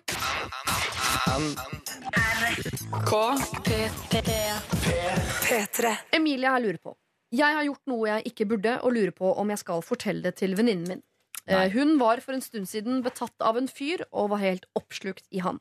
Dette var da kun fra hennes side, og det pågikk kanskje i et halvt år. Men ingenting skjedde mellom dem. Jeg tror ikke hun sa det til han heller, og hun, at hun var interessert. En dag møttes de på fest, og hun ble med han hjem. Og hun ble helt i hundre fordi det endelig skjedde noe mellom dem. Dessverre for hennes del var det kun et one night stand fra hans side, og hun hørte aldri fra han igjen. Så til det virkelige problemet. Jeg har også syntes at han er kjekk, men ikke noe mer enn det. Jeg har ikke sagt noe til venninnen min fordi hun var så oppslukt av ham. Jeg møtte han på byen en kveld med veldig mye drikke innabords og tok han med meg hjem. Det var bare fyllepuling, altså. Det betyr ingenting. Jeg hadde aldri gjort det om jeg hadde møtt han edru. Vi hadde det for så vidt gøy fordi vi var en god match i senga, men nå har jeg verdens verste samvittighet. Hva skal jeg gjøre? Skal jeg si ifra? Det betydde ingenting, men jeg har sykt dårlig samvittighet, og jeg er redd vennskapet er over om hun får vite det. Vi har vært venner i over ti år. Hilsen dårlig venninne. Kall meg Emilie. Ja. Dette altså viser et lite ja, men Mannfolk er sånn, damer gjør òg sånn. Det er litt godt å si at de er menneskelige, da. At Ja. de òg kan plutselig bare Ja, det hadde vært gøy. Og det fine med dette her er at det er, veldig, det er livsvisdom eh, for resten av livet. Her er det holde kjeft, stå i det, og leve med dårlig samvittighet. Det er det første. Ja. For straffen er nemlig, som Gaute sier, straffen er burn, burn, burn. Ja. Sitt med det selv. Det å, det å si ting av og til kan også være for å lette sitt eget hjerte. Slik at din Ja. samvittighet skal slutte. Ja, og du skal, hun skal faktisk lide litt nå. Skal jeg fortelle en hemmelighet? Skal jeg fortelle en hemmelighet som jeg bare sier her? Vi har hatt det samme problemet i vår en, en vennegjeng. Oi, i en vår Nei, jeg en- en- nesten at jeg trodde kanskje at jeg kjente hun som skrev inn. Oh, ja. Eh, hvor jeg da satt på den hemmeligheten fordi man ble betrodd. Og, og da sa jeg også det samme i ditt eget fett. Ja. Ja. Det Ja. er du som sliter. Ja, fordi I det øyeblikket Emilie forteller dette her til venninnen sin, så er det for å lette sin samvittighet. Og venninnen som har hatt det helt fint uh, lenge, gått og gressa, Ja. hun får det plutselig vondt. Ja, og så har hun kommet seg over at det ikke ble noe mer, og så skal det rippes rippes oppi. Å ja, venninna mi tok han en liten runde. Ingen grunn til å dele Det er bare for å vise at ja, han ville ha med. Ja. Pluss at du liksom også nobel jeg er som forteller, så rettskaffen, for jeg skal ha alt ut. Ja. Nei, brenn med det sjøl. Ja. Hold kjeft. Ja. Problemet dukker opp uh, ved to mulige fremtidsscenarioer her. Ljug, ljug, Ja.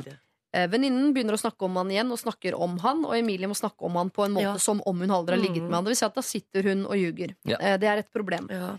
Eh, Et annet problem er at venninnen plutselig en dag får vite av noen andre igjen at Emilie har Mm. ligget med denne, la oss kalle han Robert. Eh, Da har hun også et problem. Så det jeg mener er at ja, du skal brenne inne med det, men da skal du alene brenne inne med. Allerede fortalt det til Ja. eh, Pia og Julie og eh, Birgitte og alle de andre jentene i gjengen. Da syns jeg situasjonen er litt annerledes. Eh, ja, men hvis du blir tatt opp med Er det sant at du ligger med Gunnarsen? Eh, ja. Men jeg holder kjeft om det, for jeg vil ikke såre det. Ja. Oi, det hadde jeg aldri turt. Men du, hun kommer, poenget her er at om hun sier til henne 'jeg må fortelle deg noe', jeg og Robert, det bare ble sånn, eller om 'jeg har hørt at du og Robert', så er det like ille. Så det spørsmålet er at eh, her er hva vil hun for venninna si?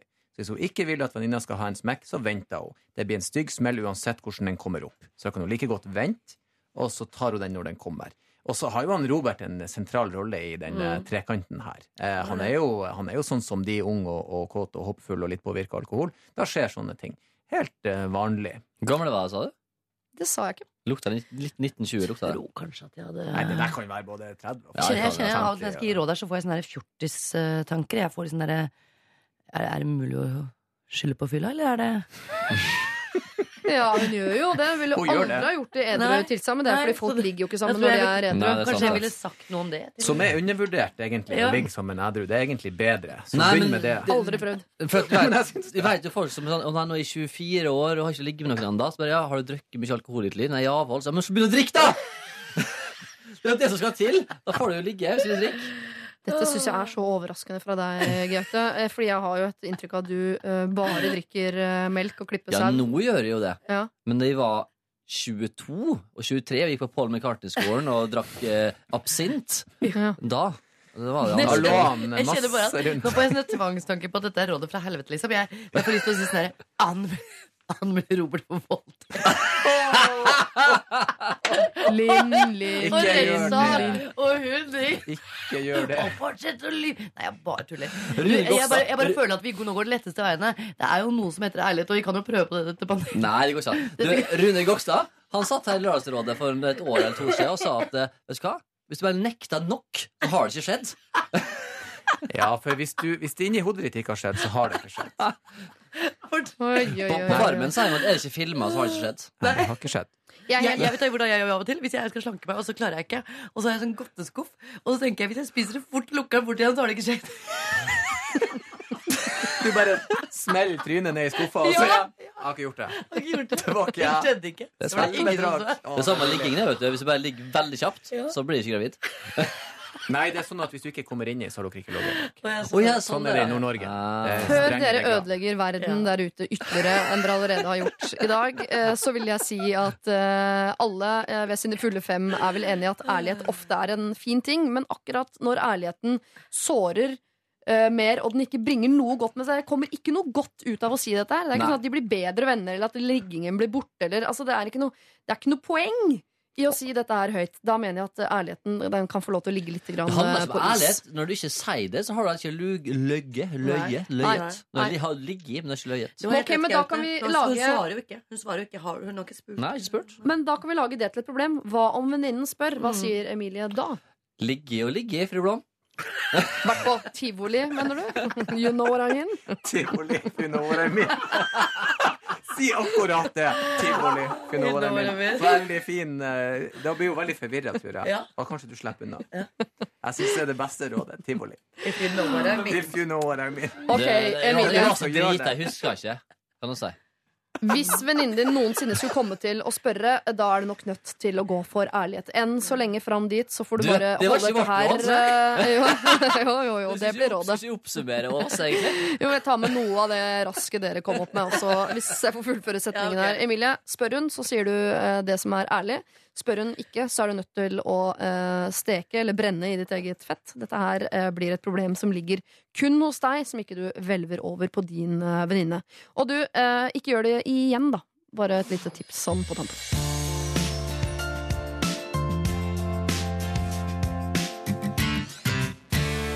Nilsen med sin Never Easy, og før det uh, kom et Kid med When I'm Dead. Jeg blir veldig veldig glad av den Never Easy-låta til Kurt Nilsen. Kurt Nilsen. Ikke fordi jeg blir glad av den, det er jo en uh, trist låt, men jeg, altså, det er en, dette har jeg sagt så mange ganger på radio, uh, men jeg må si det igjen. En av tre sanger gjennom tidene eh, som jeg alltid begynner å gråte av hvis jeg synger med på refrenget. Har ikke sjans til å holde øynene tørre.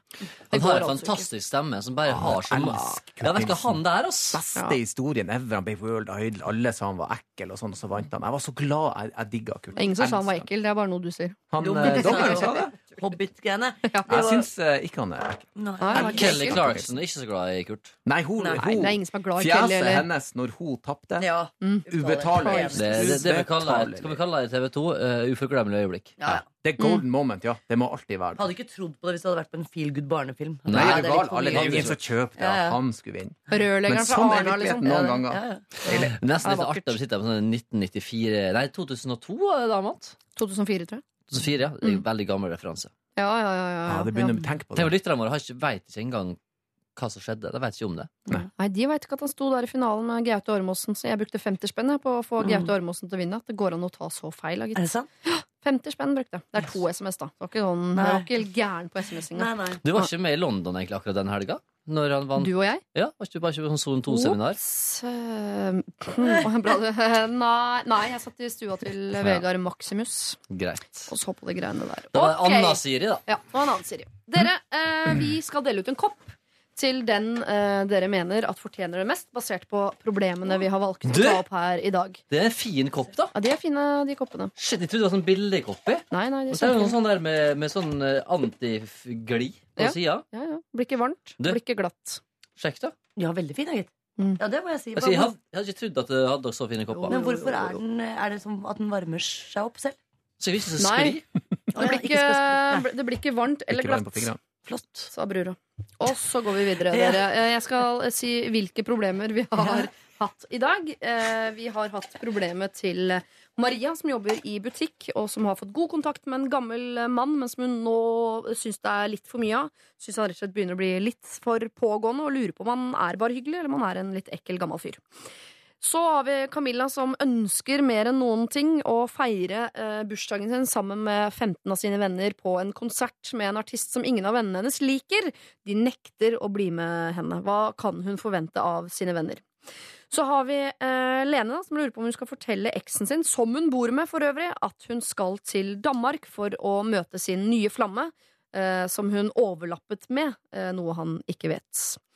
Så har vi da eh, Petter. Han har blitt fridd til av en mann. Og det er ikke noe hans familie verken vet om at det i det hele tatt er mulig at finner sted, og de setter heller ikke pris på det. Eh, hva skal han svare på frieriet? Og der er vel eh, svaret ja, rett og slett. Vi hadde et sykkelproblem eh, fra en fattiglus på 19. Eh, Venninna lånte sykkelen for et år siden, og den ble stjålet. Og lurer på om hun nå et år senere kan ta det opp og be om eh, kompensasjon rett og slett for tap av sykkel. Så har vi eh, til slutt her en jente som lurer på, da, Emilie, om hun har vært dårlig venninne om å eh, bekjenne sine synder, da hun har ligget med en fyr som venninnen jo eh, har likt veldig godt før. Ikke så mange kandidater i dag, i og med at eh, organdonor ikke er koppmateriale, og heller ikke jeg med mitt halloween-problem. Ja. Ja Jeg, jeg har jo valgt ut han Petter der. Jeg syns han er i knipe. Han trenger noe varmt i koppen. Han trenger noe å sitte og, og, og, og eh, holde rundt mens han eh, skal fundere på eh, fremtida si. Så jeg syns han, han, han kan få en kopp og, Han som og venter på ja og nei. Eh, han homofile som skal gifte seg. Ja, han som Ja. må komme ut av skapet. Men hva med hun som har flyttet til leiligheten og ikke har en kopp å holde i? Det er sant. Hun har ikke et skap å sette den i. Da bør du kanskje ikke få kopp, for du har ikke skap. Fortjener ikke kopp. Jeg har egentlig lyst til å inn til Maria på 22 som føler at han kanskje er litt nærgående han kundene. For jeg er så keen på at det skal ordne seg, at det skal bare oppstå et fint vennskap, og hun kan servere han en kopp kaffe. Ja. Du heier på et vennskap mellom de to. Ja, jeg Ja. gjør det. Selv så har jeg hatt så mye glede av å ha venner i forskjellig alder. Og jeg har hatt en bestevenninne på 80, så jeg er veldig glad i det konseptet å møte annerledes folk. Ja. For, men, min del, men jeg gir meg gjerne på Peter, altså. Nei, Jeg altså, jeg tenker at du er nykommer og første gang, og du har gjort en veldig bra jobb i dag. Takk, eh, takk. På vegne av eh, noen, kan jeg si det? eller? Ja, ja, ja, ja, ja, greit for meg. Gi deg selv den statusen, du. Det er i din, eh, er i din makt, eh, Gaute. Altså, jeg som gammel og erfaren rådgiver vil jo si at det, er, altså, du har levert i dag. liksom. Ja. Jeg blir glad for det. Vær så god. Men jeg skal ikke ha koppen, ikke sant? Du tenker at jeg skal velge? Ja, er for velge. Hun får få få koppen, men ikke så det, Nei, nei. det er kanskje ikke lov. da, at Hun får ikke koppen. Hun må gi fra seg koppen. Ja, ja. ja. Hva tenker du, Ellen? Er du med på Maria, eller? Og Maria eh, Ja, vet du hva? Eh, Du, du hadde meg på kopp. La oss eh, gi henne en kopp. La oss gi henne to, så de kan ha hver sin P3-kopp og ikke. drikke Nei, da må jeg sette ned foten. Vi ikke- eh, Ikke to. Nei, vi ga bort to kopper forrige Vi lørdag. Og det Ja. gjør vi egentlig Ja. aldri, Nei, så det- kvota for i år er nå i hvert fall brukt opp. Men da er det jo Maria. Hva du mener Nei, altså, jeg er helt klar for det. Jeg synes det er Kjempegodt godt forslag. Dette er fint. det. Dette kommer ikke til å gå til helvete uansett. Han er, han er en gammel gris. Men eh, la det la det drive på. Jeg er enig. Vi lar det få en Jeg tror han er en koselig gammel mann, men uh, uansett, la oss, eh, la oss sende den koppen med, med en god porsjon håp nedover at dette blir et flott og fint eh, ekteskap, og ikke en slags bisarr anmeldelse. Vennskap, unnskyld. Jeg ble litt revet med. Med. Men Fint poenget, poenget er hvis, eller premisset da, må være at du må sende ei historie tilbake til det. Ja, hvordan det vært fint, gikk. Ja, hvordan gikk det på Playdate? Jeg blir veldig nysgjerrig på alle historiene her. Altså, jeg Men- må si jeg. Ja, for det er egentlig et premiss til dere alle. Dere får gode råd, eh, men jeg vil vite hvordan det går med dere. Har vi gitt dere råd som har brakt dere i Ja. uføre, eller har vi gitt dere råd som har brakt dere inn i varmen og inn i lyset? Altså, hvordan Får går du det med dere? Får ofte svar på det, eller? Ja, vi får masse svar på hvordan det eh, går med folk eh, i, som har fått hjelp her i Lørdagsrådet. Så det elsker vi. Det-. Ja, som oftest går det bra, altså. Det gjør stort sett det. Jeg må bare beklage på vegne av eh, tror halloween-stemninga som har tatt litt over i dag. Eh, Ja. Ja. Det er derfor vi har vært litt monster i dag. Ja, det det? Ja. Ja. Eh, feir med måte i dag, eh, folkens. Koppen går til eh, Maria, som kanskje får seg en veldig veldig god eh, gammel eh, venn. Eh, vi håper jo det, da, og vil vite hvordan det går. Eh, tusen takk, Gaute, Linn og Erlend, for i dag. Bare hyggelig, hyggelig å være her. Ja. Det hyggelig er å være her. hyggelig. Ha en Ja. fortreffelig lørdag videre. Like. Ha det! Ha Hei. det. Dette er Dette er P3. P3.